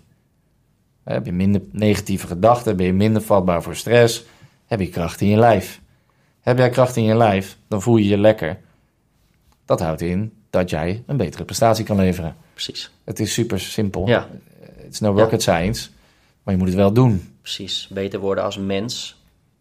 Om als mens ook het voetbalspel weer beter te kunnen spelen. Ja, En waar je ook nog in je privéleven als het ware ook weer profijt van hebt. juist. Qua denkpatronen, qua eetpatronen, qua slaappatroon, qua leefpatroon, qua ontspanpatroon. Ja, En ik had daar van de week wel een mooi gesprek over met Bart Heuving. Ik weet niet of je hem kent. Ze was Nee. ook in aflevering 26 te gast. Die is topsportbegeleider bij AZ. En die zei ook heel mooi. eh, die is daar heel erg mee bezig, juist ook met die preventi- preventieve leefstijl. En eh, daar had ik met hem een gesprek over. En die was ook in de podcast te gast. Ik spreek hem geregeld. Maar die gaf ook aan, we zijn vaak, zeker als we het hebben over voetbal, heel druk bezig. Op het veld wordt er van alles geschreeuwd. Je moet zo lopen. Je moet dit tactisch doen. Je moet dat technisch doen. Maar wat wordt er geschreeuwd als het ware naast het veld? Waar is daar de aandacht voor? Ja. En dan verlaat je de club. En dan doe je heel wat dingen inderdaad onbewust. Ja, waardoor je dus inderdaad onbewust... Ja, misschien inderdaad wel in dus een stressvolle situatie... die, die broccoli, om even een simpel voorbeeld te geven... niet goed verteert. En als je inderdaad inzoomt op al die details en die voeg je samen, het lijken kleine dingetjes, Mhm. als je die allemaal samen mixt, is dat eigenlijk jouw output weer op het veld. Ja, en dat is ook precies wat jij zegt. Wat je erin stopt, dus jouw input, Ja, is ook de output. Als jouw input is dat je jezelf aanleert om goede vragen te stellen, is de output vaak ook een goed antwoord. Ja. Dus als een trainer tegen jou zegt: Ik verwacht dat jij beter verdedigt. Oké. Ja. Wat heb ik dan nodig om beter te verdedigen? Is dan een goede vraag. Mhm. En vervolgens, als je daar het antwoord krijgt, dan kun je daarmee aan de bak. Als je daarmee aan de bak gaat, dan word je een betere verdediger. Als jij dan Precies. vervolgens het idee hebt dat je in de gym eh, aan de gewichten moet eh, gaan hangen, word je daar een betere verdediger van? Naar mijn mening niet. dan heb je het weer over functioneel trainen Dus of is dysfunctionele Ja. training. Als jij gaat kijken, hè, duelkracht, als dat het advies, is- advies van de trainer is, Mhm. versterk je duelkracht. Dat zag ik ook bij jou voorbij komen. Mhm. Kun je heel gericht vragen, maar wat bedoel je daar dan mee? Ja. En wat moet ik dan specifiek verbeteren? Dus dat is dat jij betere schouderduwen moet kunnen uit, eh, Ja, of een bepaalde rompstijfheid kunt creëren in je romp. bijvoorbeeld. Ja, Dan word je daar er beter van. Want dan weet je gericht, specifiek, Ja. wat je moet doen. precies. En dan kun je ook smart formuleren. Binnen deze tijd moet ik dat halen. Ik wil dat beter maken. Het is niet eens bezig. De tijd maakt niet zo uit. Het gaat erom dat je het aandacht geeft, zodat dat gaat groeien.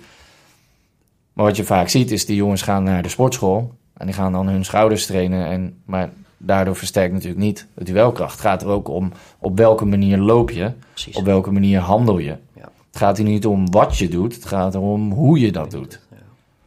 En dat start voor mij altijd met goede vragen stellen. Ja. Ja, de trainer zei tegen mij dat ik mijn duelkracht moet verbeteren. Maar ja, het zal wel. Ik ben het niet met hem eens.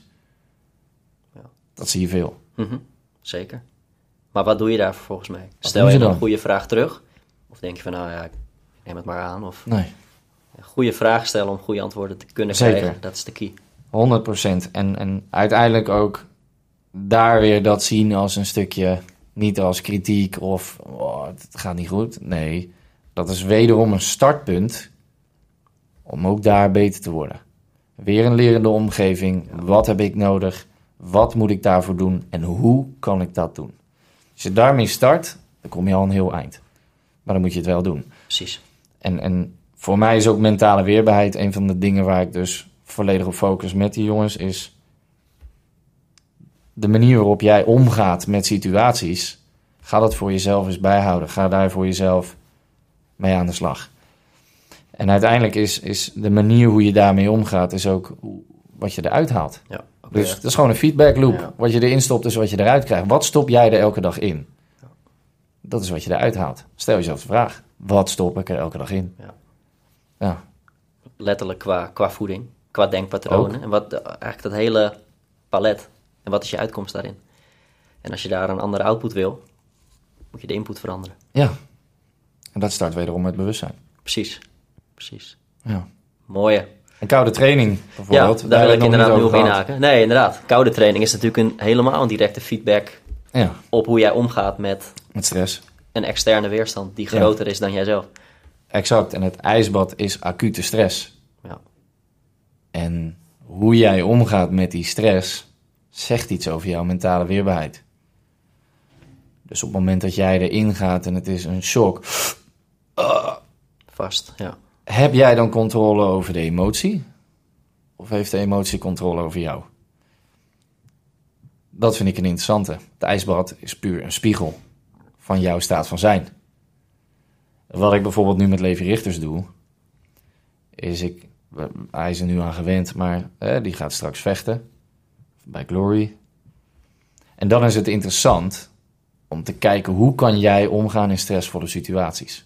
Hoe kun je blijven handelen when, when the shit hits the fan? Dus als letterlijk fight, flight, fight Ja. mode.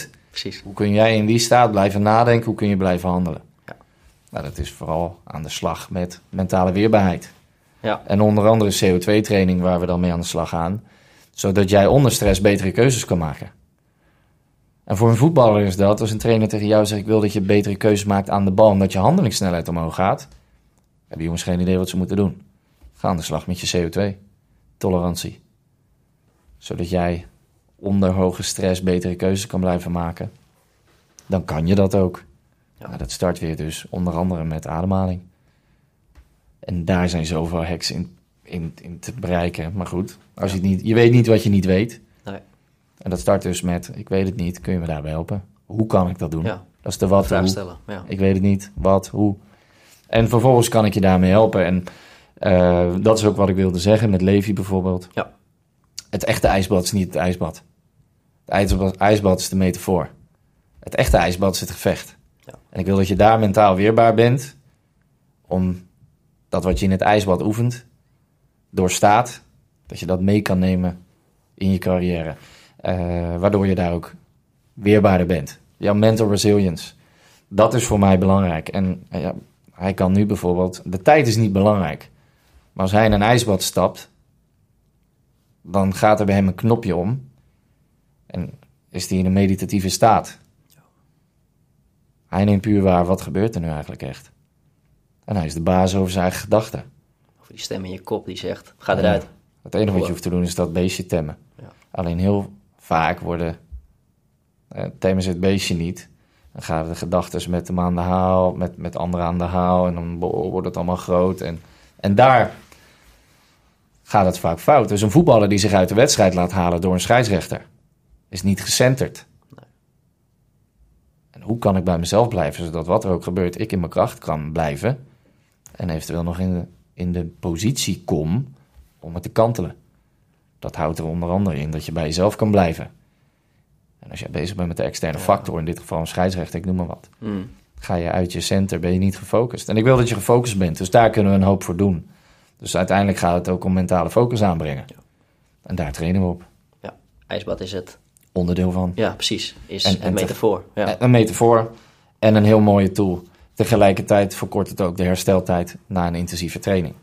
Dus wat ik wel wil meegeven ook voor de luisteraar is... start je dag met een koude douche.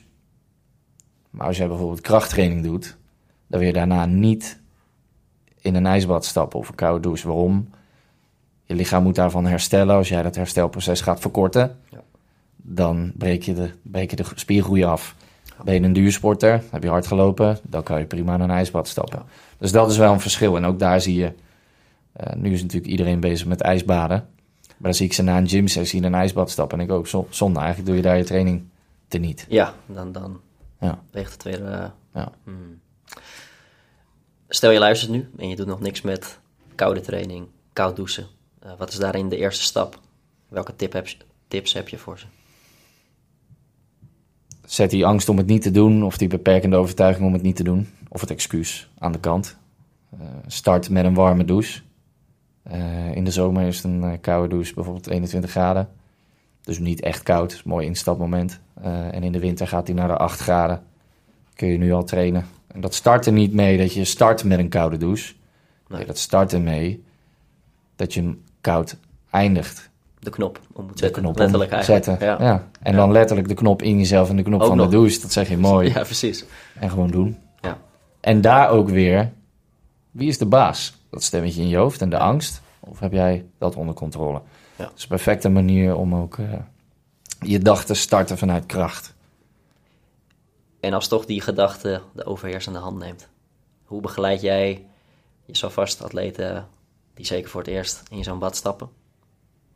Wat voor, hoe coach jij ze? Wat, wat, wat geef je ze mee waardoor ze ademhaling, denk ik? Ja. Ehm, Ademhaling is altijd de eerste stap. Ademhaling zorgt ervoor dat je hartslag kan verlagen. De ademfrequentie omlaag brengt. Waardoor het stemmetje al getemd wordt. ja. En Iemand ja. in een hoge stress staat, daar praat het stemmetje veel vaker tegen dan iemand die in een lage stressstaat is. Diegene is in staat om dat stemmetje te temmen. Iemand in een hoge stressstaat heeft zoveel gedachten, is zoveel ergens anders mee bezig. Die, is, die, is, die luistert naar dat stemmetje. Ja. Jij bent niet het stemmetje in je hoofd. Nee, dat je bent niet je gedachte, je bent niet je, Jij bent niet je gedachten. Nee. Nee. En hoe kan je dan het beste ademen? Wat is daarin goed? Is het een neusademhaling? Is het een mondademhaling? Welke tips heb je daarvoor? Stel je schrikt en, en wat moet je doen? Nou, daar is geen one size fits all. Oké, Ehm, dat is interessant. Op het moment dat jij in een ijsbad stapt, gaat iemand in shock. Ja, dus iemand denkt eigenlijk niet meer na. Het oerinstinct neemt het over en het is... Ja. Oh, het moet uit. Ik zeg dan, adem uit. Dan gaat de eerstvolgende vanzelf weer in. Dus adem zo lang mogelijk uit. En dan gaat de eerstvolgende ademhaling vanzelf weer in. Nou, dan ga je dat vervolgens nog een keer doen. Dus op het moment dat jij langer uitademt, kom je meer in, in dat rustsysteem terecht. Als jij vervolgens een korte inademing hebt, door je neus. Zorg ervoor dat als jij bijvoorbeeld twee keer langer uitademt, kom jij in rust. Dat is een eerste stap. Ja. Om die stem eigenlijk, want je moet letterlijk bewust zijn bij je ademhaling. Juist. Eigenlijk moet je het zo Ja. zien. Neusademhaling activeert buikademhaling. Borstademhaling actief, of, buikadem, of mondademhaling Mond, ja. activeert buik of borst. Dan zeg ik het niet goed. Neus activeert buik, mond activeert borst. Iemand die frequent ademt via zijn borst heeft een hogere ademfrequentie en ademt meer daardoor. Dus hè, hoge ademfrequentie, Ja. je ademt meer. En als je meer ademt, gaat je, eh, blaas je meer CO2 af. Ja. Gaat het lichaam alleen nog maar vragen om meer. Dus als je dat minder doet Precies. Ga je duurzamer om met je energie. met je energie Ja. en je zuurstof. Ja. Precies. En daar zijn honderden technieken en principes voor. Ja. Dus dat is niet per se een one size eh, Nee. fits all daarin. Eh, Niet, ook niet iedereen moet je in een ijsbad stoppen. Iemand die al heel veel in stress is, Ja. ga je nog meer in stress stoppen door een ijsbad. Ja. Dat begint er be- in, in sommige gevallen mee dat we eerst gewoon aan de bak gaan met ademhalen. Ja. Dat we eerst functioneel gaan ademhalen. Eerst kijken hoe adem je eigenlijk. Ja. Hoeveel ademhalingen heb jij per minuut? Weten ze helemaal niet. Vaak. Eh, dat hebben ze geen idee van, want ze zijn er niet mee bezig. Nee. Omdat ze er onbewust van zijn. En als we daar wel naar kijken, hoe kunnen we daar dan weer verbetering aanbrengen? Ja, precies. Dus misschien is inderdaad de eerste stap wel puur op je ademhaling letten. Ja, En wil je een stapje verder? Want je moet uiteindelijk die ademhaling onder controle krijgen. Om weer controle te krijgen over die stem in je kop. juist. Dat zei volgens mij ook mooi in een andere post. Je mindset is het gevolg van je ademhaling. Ja, en je ademhaling is het gevolg van je mindset. Ja, precies. Dat is weer die feedback loop. Of zo bedoel ik hem. in- Ja, ja, Ja, precies. maar het is allebei. Ja, dus je ja, ja, mindset precies. is een gevolg van je Ja. ademhaling. Ja, precies. Maar je ademhaling ook een gevolg van je mindset. Ja, hij werkt twee kanten op. Het is Ja. die, die, die cirkel is rond Ja. dan. Ja. Dus als jij allemaal klote gedachten hebt, gaat je ademfrequentie gewoon omhoog. Ja. Je hartslag verandert namelijk. Om je een voorbeeld te geven. Mhm. Als jij schrikt, wat verandert dan als eerst? Ja, dan... Je ademhaling Ja, stopt. je ademhaling inderdaad, die stopt. Je houdt het vast. Dus jouw staat van zijn verandert daardoor. Ja. Je hartslag gaat daardoor omhoog. Ja. Als jij lacht, verandert ook jouw staat van zijn. Daardoor ook je hartslag. Ja. Dus zo kun je met ademhaling meerdere staten van zijn bereiken. En de vraag is, welke staat van zijn wil je bereiken?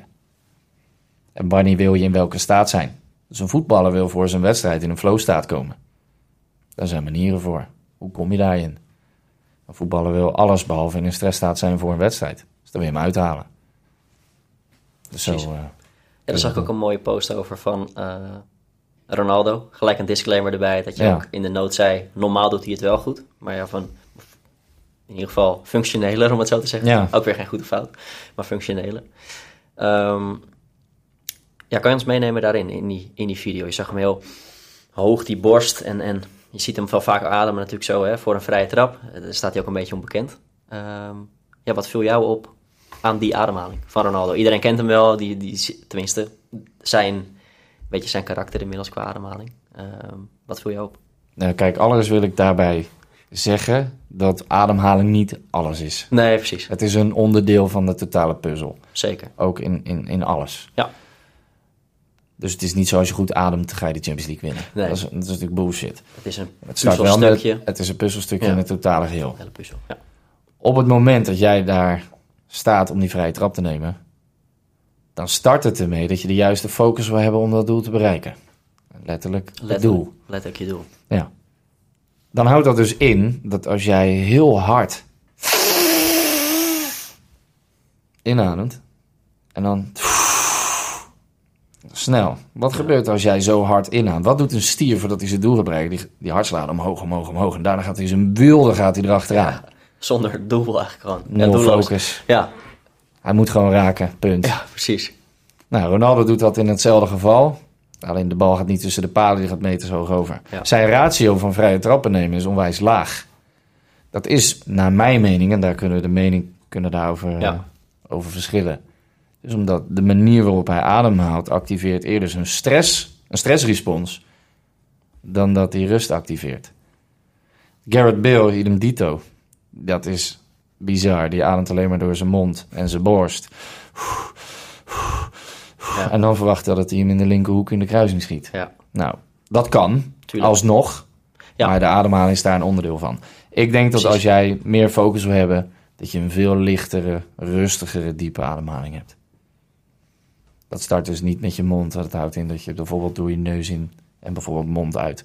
Maar dan wel gecontroleerd. Dus niet dat, nee, maar rust. Dus Ja.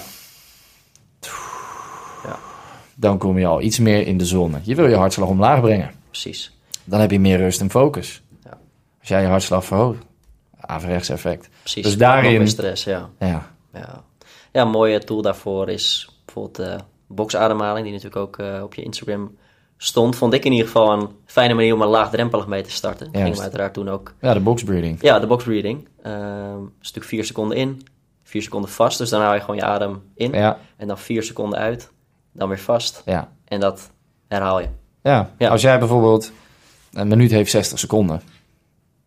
En als jij in die minuut 5 seconden in, 5 seconden uitademt... dan is dat 10 seconden. Dan heb je dus een ademfrequentie van 6. Mhm. Als ik het goed zeg. Ik ben niet zo'n goede rekenaar, maar volgens mij wel. Ik ben ook niet zo'n hoofdrekenaar. Nee, nou maar, goed, maar ja, minder uitrekenen. ademhaling in ieder geval. Als jij vijf keer, vijf ademhalen, vijf seconden, opnieuw. Als jij vijf seconden inademt, je ademt vijf seconden uit, is dat tien. Heb je zes ademhalingen per minuut. Dat houdt dus in dat je een ademratio hebt, een frequentie van zes keer per minuut. Stel dat de gemiddelde 18 keer dat doet, adem je dus al drie keer minder Ja. dan een gemiddelde. Houdt dus in dat je meer in rust bent. Precies, veel meer rust in je systeem. Juist. Ja. Dus meer is niet beter. Nee. Meer is vaak oppervlakkiger en vraagt om nog meer. Is activatie van stress. Dus daarin Ja. kun je zoveel winst behalen. En dat start met de manier hoe moet ik dat doen, wat, ik moet, wat moet ik doen en hoe kan ik dat dus doen. En daar, als je dan de goede vraag stelt hoe je dat dus kan doen, Ja. dan is het de vervolgvraag, maar wat heb ik daar dan aan? Ja. En als je daar het antwoord op krijgt, dan krijg je weer inzicht en dus het bewustzijn. En met dat bewustzijn kun je het dus elke dag bewust doen. Precies, daar, daar start alles uit. Ja. Ja. En een goede, ja. Dus voor mij, mijn pilaren zijn bewustzijn, mindset, dus ja, je mentaal, mental game, je, je mentale weerbaarheid, herstel en functioneel ademhaling. En daarin kijken we hoe, hoe we eigenlijk je zenuwstelsel kunnen reguleren naar een staat waarin het zowel om kan gaan met rust als met stress. Wanneer jij in stress bent, weer terug kan gaan naar rust. En wanneer jij in rust bent, in de staat kan zijn om te performen. Dat is uiteindelijk in een notendop wat ik doe. Ja.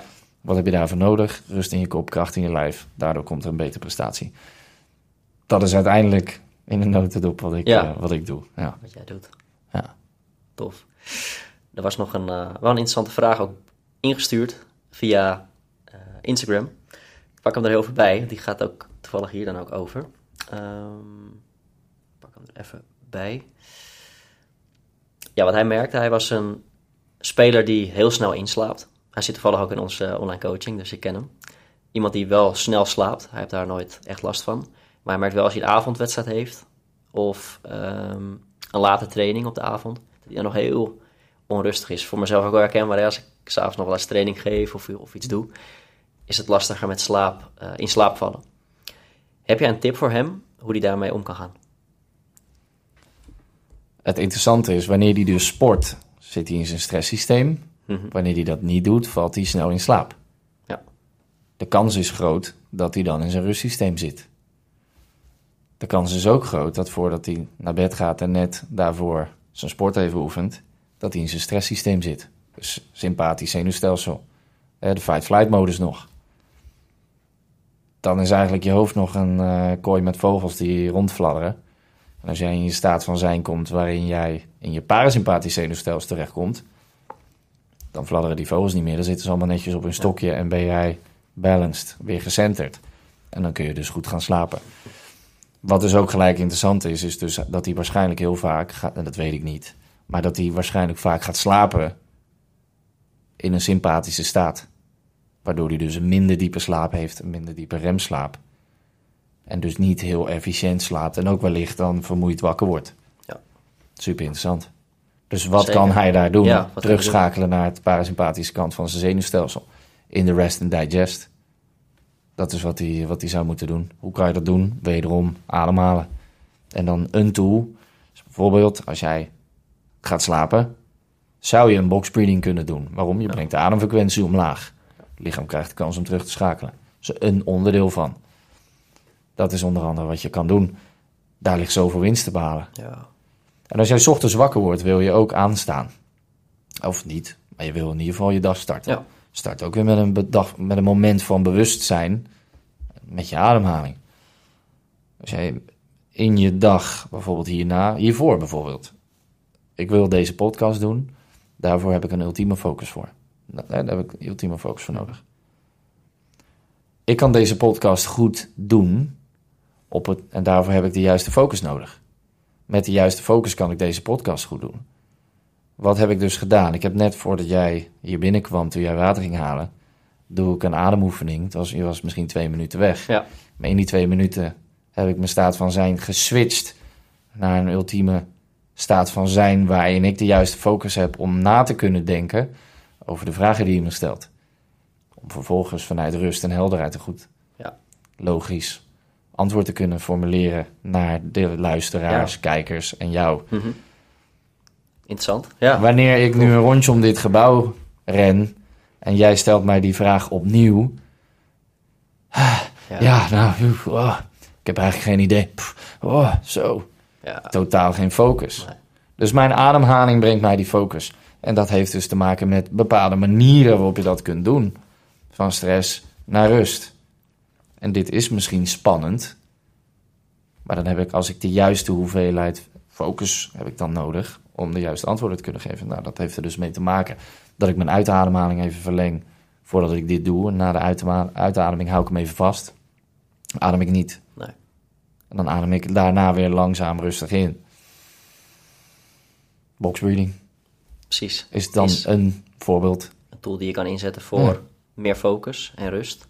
Vanuit die stilte Ja, kan je ook de goede juist. antwoorden uiteindelijk geven. Ja, Maar als we hem vertalen naar die voetballer die thuis komt en nog helemaal aanstaat. En is denk ik ook gewoon, gooi die mobiele telefoon, zeker als het al later is, dat is één. lekker de hoek in. Ja. Geen prikkels meer, want je hebt al genoeg prikkels. Nee, Focus heel bewust en zeker ook in een donkere omgeving. ehm, is daarin ook belangrijk in plaats dat je al die lichten aanknalt. Denk Zeker. een mooie, mooie toevoeging. Eh, doe kaarslicht aan of je dimpje lichten. Dat is ook iets wat ik zelf eh, vaak doe Ja. voor het slapen.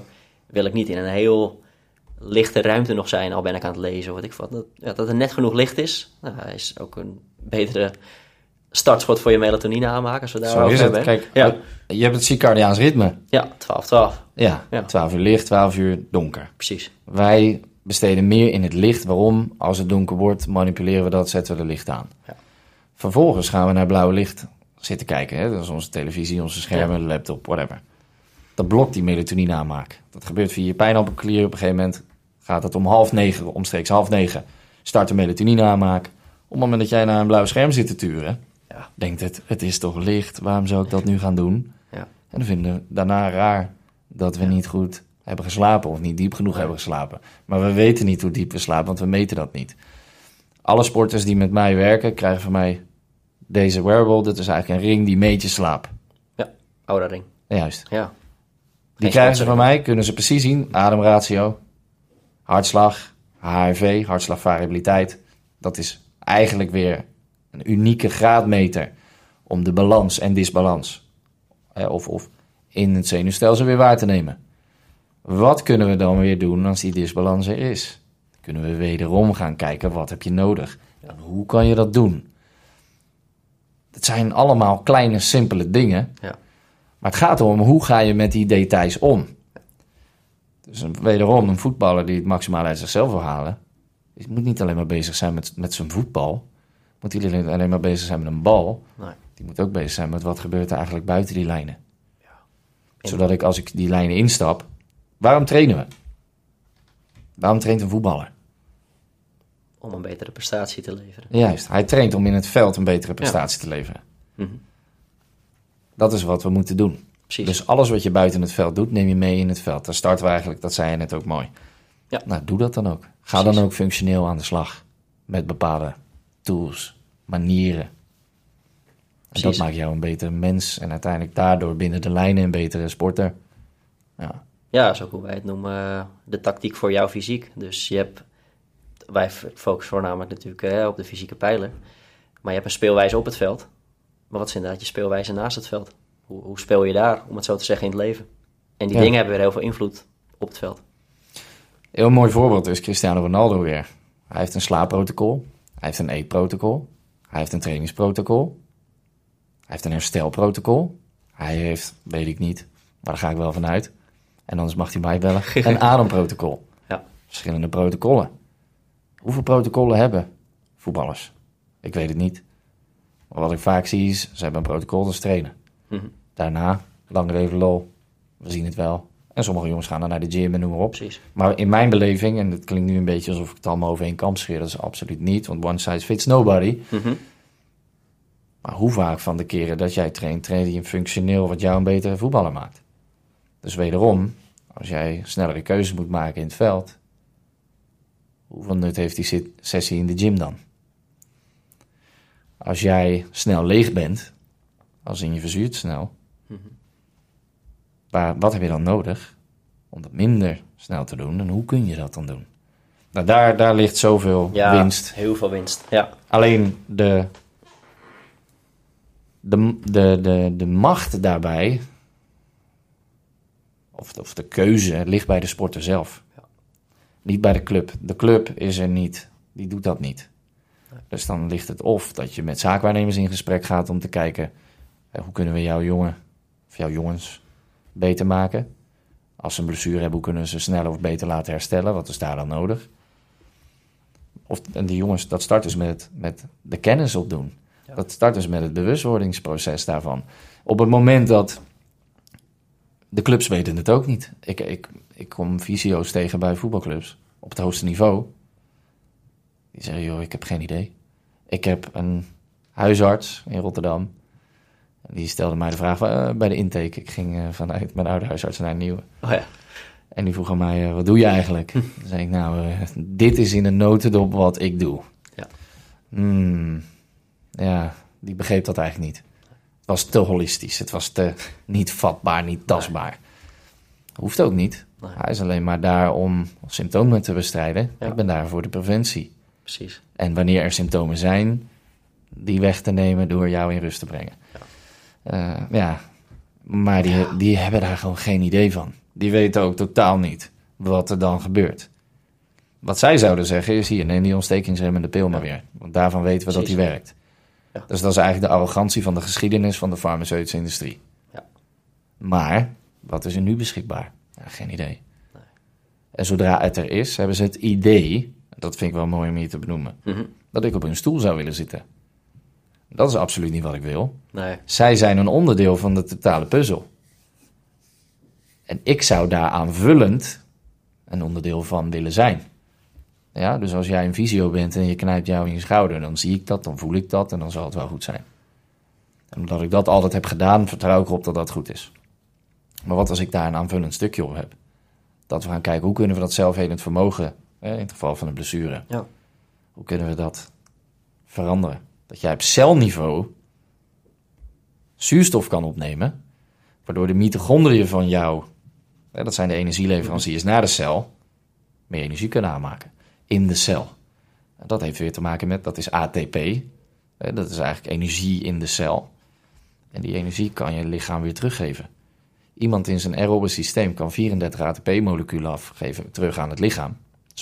Energie.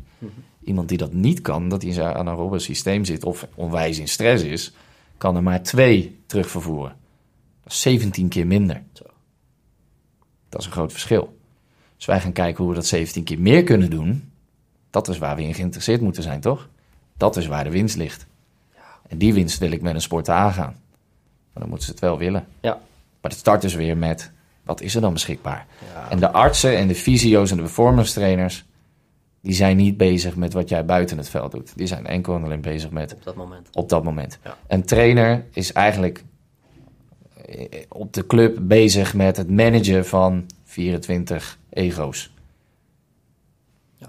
24 jongens die allemaal zichzelf in de basis eh, vinden dat ze allemaal in de basis moeten staan, die allemaal het beste op hun positie zijn. En hij managt dat. De trainer wil maar één ding. Dat is ook zorgen dat hij goed presteert, zodat hij wellicht ook hoger Ja. opkomt. Resultaat, winnen. Dus die is dan, Ja. hij is wel met je bezig.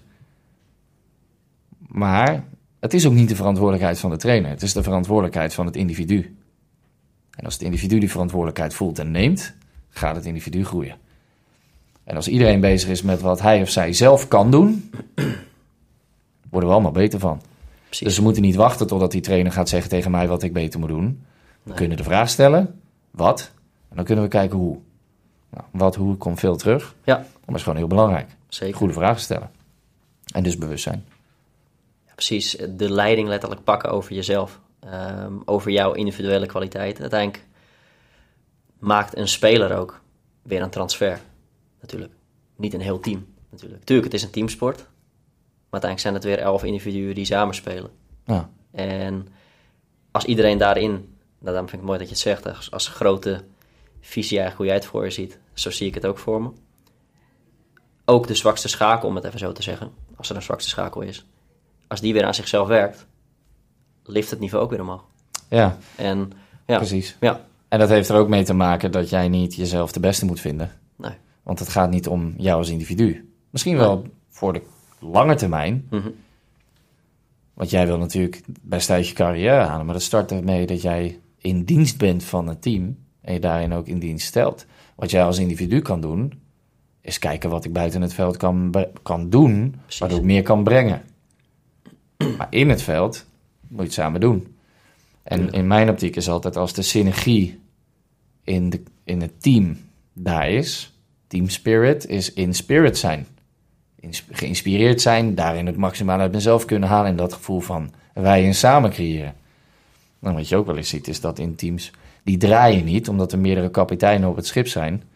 Die zichzelf het belangrijkst vinden. Niet vinden dat jij die goal moet maken, maar ik. Ja, En zolang het ik daarin aanwezig is, mag jij het niet. Want het draait om mij.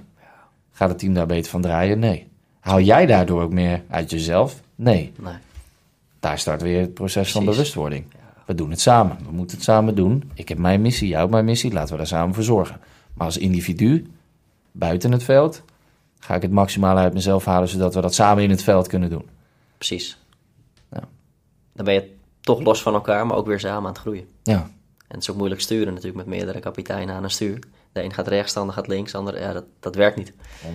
Ja, dus boodschap, pak inderdaad de leiding. Niet tot iemand het zegt dat je het Nee, moet gaan doen. die verantwoordelijkheid ligt bij jezelf. Precies, het is jouw carrière en daarbinnen, welk niveau je ook speelt als je nu luistert, Ja. daarbinnen is altijd winst te halen. Dat is eigenlijk een mooie zin. Leg de verantwoordelijkheid bij jezelf, niet bij een ander. Het is jouw carrière, Precies, dat moet jij doen. En Voor die lange termijn moet je consistent zijn. juist. En daarbij moet je niet verwachten dat een ander het voor je doet, want jij kan het alleen maar doen. Jij bent de enige die het kan doen. Precies. Hele mooie. Ja. Niemand anders gaat het voor je doen. Nee. Je moet het zelf doen. En dat is ook weer de les die ik uit mijn hele leven heb gehaald. Je kan wachten tot het juiste moment komt.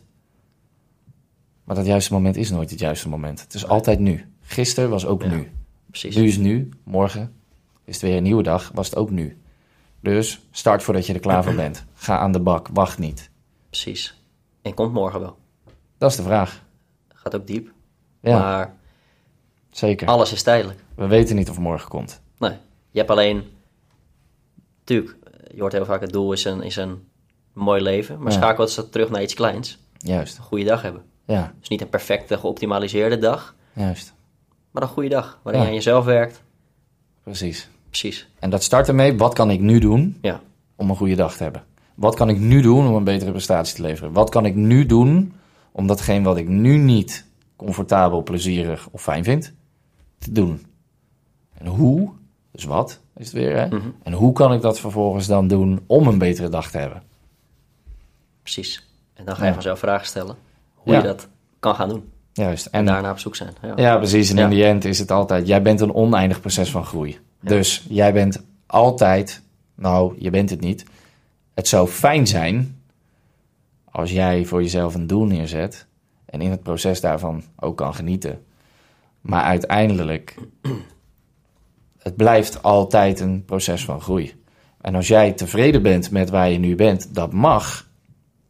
Maar daarna gaan we weer kijken, oké, hoe kan ik er weer voor zorgen dat ik daar mezelf weer op kan verbeteren. En soms gebeurt er iets waardoor je denkt, oh, hier moet ik nu iets mee. Ga ermee aan de bak. Precies. Het is nooit over. Nee, dat kan op alle vlakken. Misschien ben je wel tevreden over eh, je spel, maar misschien inderdaad niet over je denkpatronen. Ja. Of over, noem iets anders, of over je voeding nog optimaliseren. Of Ja. dat gaat oneindig door. En als je dan die volgende dag wakker wordt, wees dankbaar dat hij er weer is. En kijk, oké, hoe gaan we weer aan de boot verder bouwen? Weer die 1%.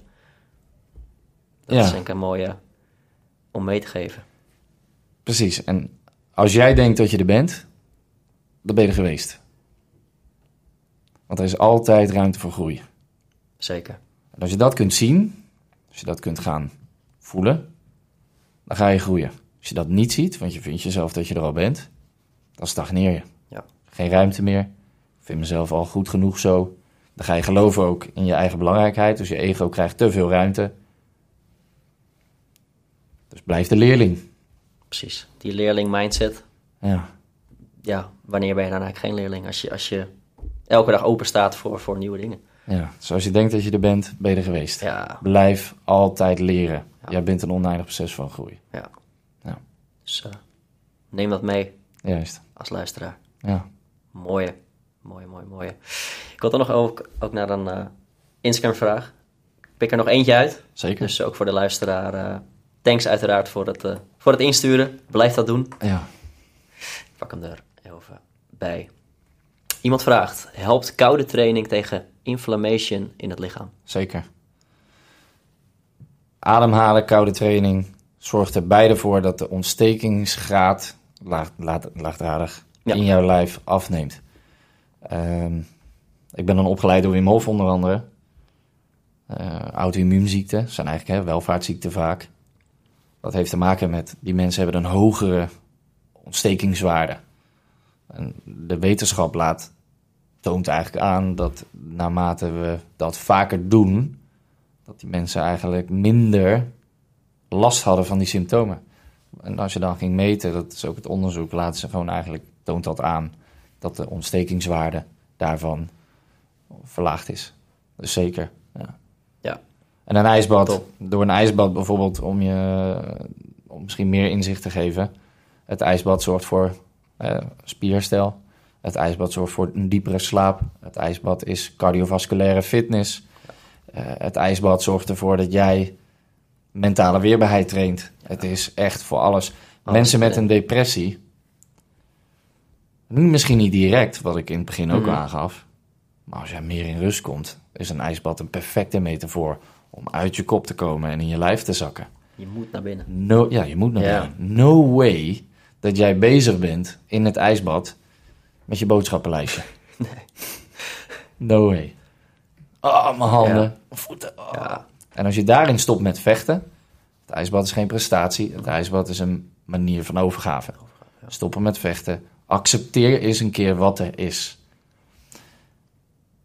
En het mooie is, in het ijsbad gaat dat masker vanzelf af. ja. Het water is een spiegel van jouw staat van zijn. En het water is er altijd. En het is jou hoe je ermee omgaat. mooi. Ja. Niks meer aan toe te voegen. Nee, eigenlijk niet. Mooi. Nee. Mooi, mooi. Ik ga nog even kijken. Ja, we hebben een hoop, eh, hoop besproken en dat merken we ook. Eh. Hier kan je uren over praten. En, Zeker. eh, en ik zelf ook. Dit is ook waar ik veel meer over ga delen. Ook als fit voor voetbal zijn. Dus niet alleen maar puur op die fysieke pijler, maar juist echt, echt de hele levensstijl eromheen. Dus daarom vind ik het tof dat ik je ontmoet heb. Je Ja. deelt mooie dingen. Zeker. En ja, allebei een mooie missie Zeker. om daaraan door te bouwen. Ja. Ehm, nou, inmiddels zitten we al op een, op een hele wedstrijd. eh, anderhalf uur, 90 Echt minuten. ja. ja. De tijd gaat Tijd gaat snel, hè? Ja, zeker. Ehm, ja, wat ik zeg, hier kan je uren over praten. Eh, maar we gaan wel richting het eh, einde van deze aflevering. Juist. Maar ik heb altijd een laatste vraag aan mijn, aan mijn podcastgast. Kom maar door. Weet je hem of niet? Nee. Oké. Dat is wat heb ik niet aan je gevraagd, maar zou je wel graag willen beantwoorden? Hmm. Goeie vraag. Dus in deze aflevering, dat je denkt, hmm, dat wil ik iets meer uitdiepen. Of dat moet ik de luisteraar echt nog, wil ik de luisteraar echt nog meegeven. We hebben een heel breed palet besproken. Nou, wat ging alle kanten op. wat Ja. wij hier zeggen is onze visie, maar ook tegelijkertijd daarin onze waarheid. Ondervind je eigen waarheid. Ja. Onze waarheid is niet de waarheid. Ondervind hem zelf. Voelen is begrijpen. Ga het zelf voelen. Ga het zelf ervaren. Wij kunnen zeggen wat je moet doen. Maar het gaat er uiteindelijk om. Voelen is begrijpen. Wat voel je? Ga het eens een keer proberen. En er is geen one size fits all. Ondervind daarin echt je eigen waarheid. En eh, ga het maar eens ervaren. Precies. Ga maar eens kijken wat er dan gebeurt. En dan eh, komt het wel goed. Ja. Hoe het voor jou werkt, uiteindelijk ook. En, en vooral ook in beweging inderdaad, ook die antwoorden gaan vinden. Wat jouw waarheid is, in plaats van alleen maar over na te denken van, hmm, zal ik dit eens proberen, dat? Nee, Juist. ga het doen. Ja, zeker. Mooie, mooie toevoeging. Ja. Als laatste boodschap naar de luisteraar. Ja. Ik wil je bedanken. Dankbaar dat je hier eh, te gast bent in de, in de podcast. En eh, ja, ik weet zeker dat er nog een hoop mooie gesprekken aan gaan komen Zeker. over deze topics. Ja. Dus eh dankjewel. Jij bedankt. Top maat. Thanks. En jij als luisteraar of kijker op YouTube, dankjewel voor het kijken. Vergeet je niet te abonneren. En tot de volgende aflevering. Tof dat je hebt geluisterd naar deze aflevering van de Fit voor Voetbal podcast. En als je tot hier hebt geluisterd, dan wil je echt meer uit jezelf halen. En speciaal voor jou hebben we een aantal leuke bonussen als bedankje voor het helemaal afluisteren. Ten eerste op onze online training, de tactiek voor jouw fysiek, krijg je als podcastluisteraar 10% korting met de code podcast10. Ga naar fitvoorvoetbal.nl slash tactiek fysiek en krijg helder waar jij moet gaan werken als voetballer op fysiek vlak en hoe jij voortaan een sterke tactiek voor jouw fysiek gaat creëren. Daarnaast ben jij een voetbaltrainer of speler die meer wilt leren over fysieke training binnen voetbal en dit ook wil gaan toepassen, dan kun je met korting een opleiding starten bij onze partner Start to Move via startomove.nl slash fit-voor-voetbal. En je vult daar de code FFF-S2M10 in, dan krijg je 10% korting op onder andere de opleidingen fysieke trainer voetbal, conditietrainer voetbal of hersteltrainer. En wil jij sowieso met een tactiek je fysiek werken met ons? Ga naar fitvoorvoetbal.nl voor ons complete aanbod. Nogmaals, dankjewel voor het luisteren. Geniet je van deze podcast. Abonneer je eronder en dan zien we je heel graag terug bij de volgende aflevering.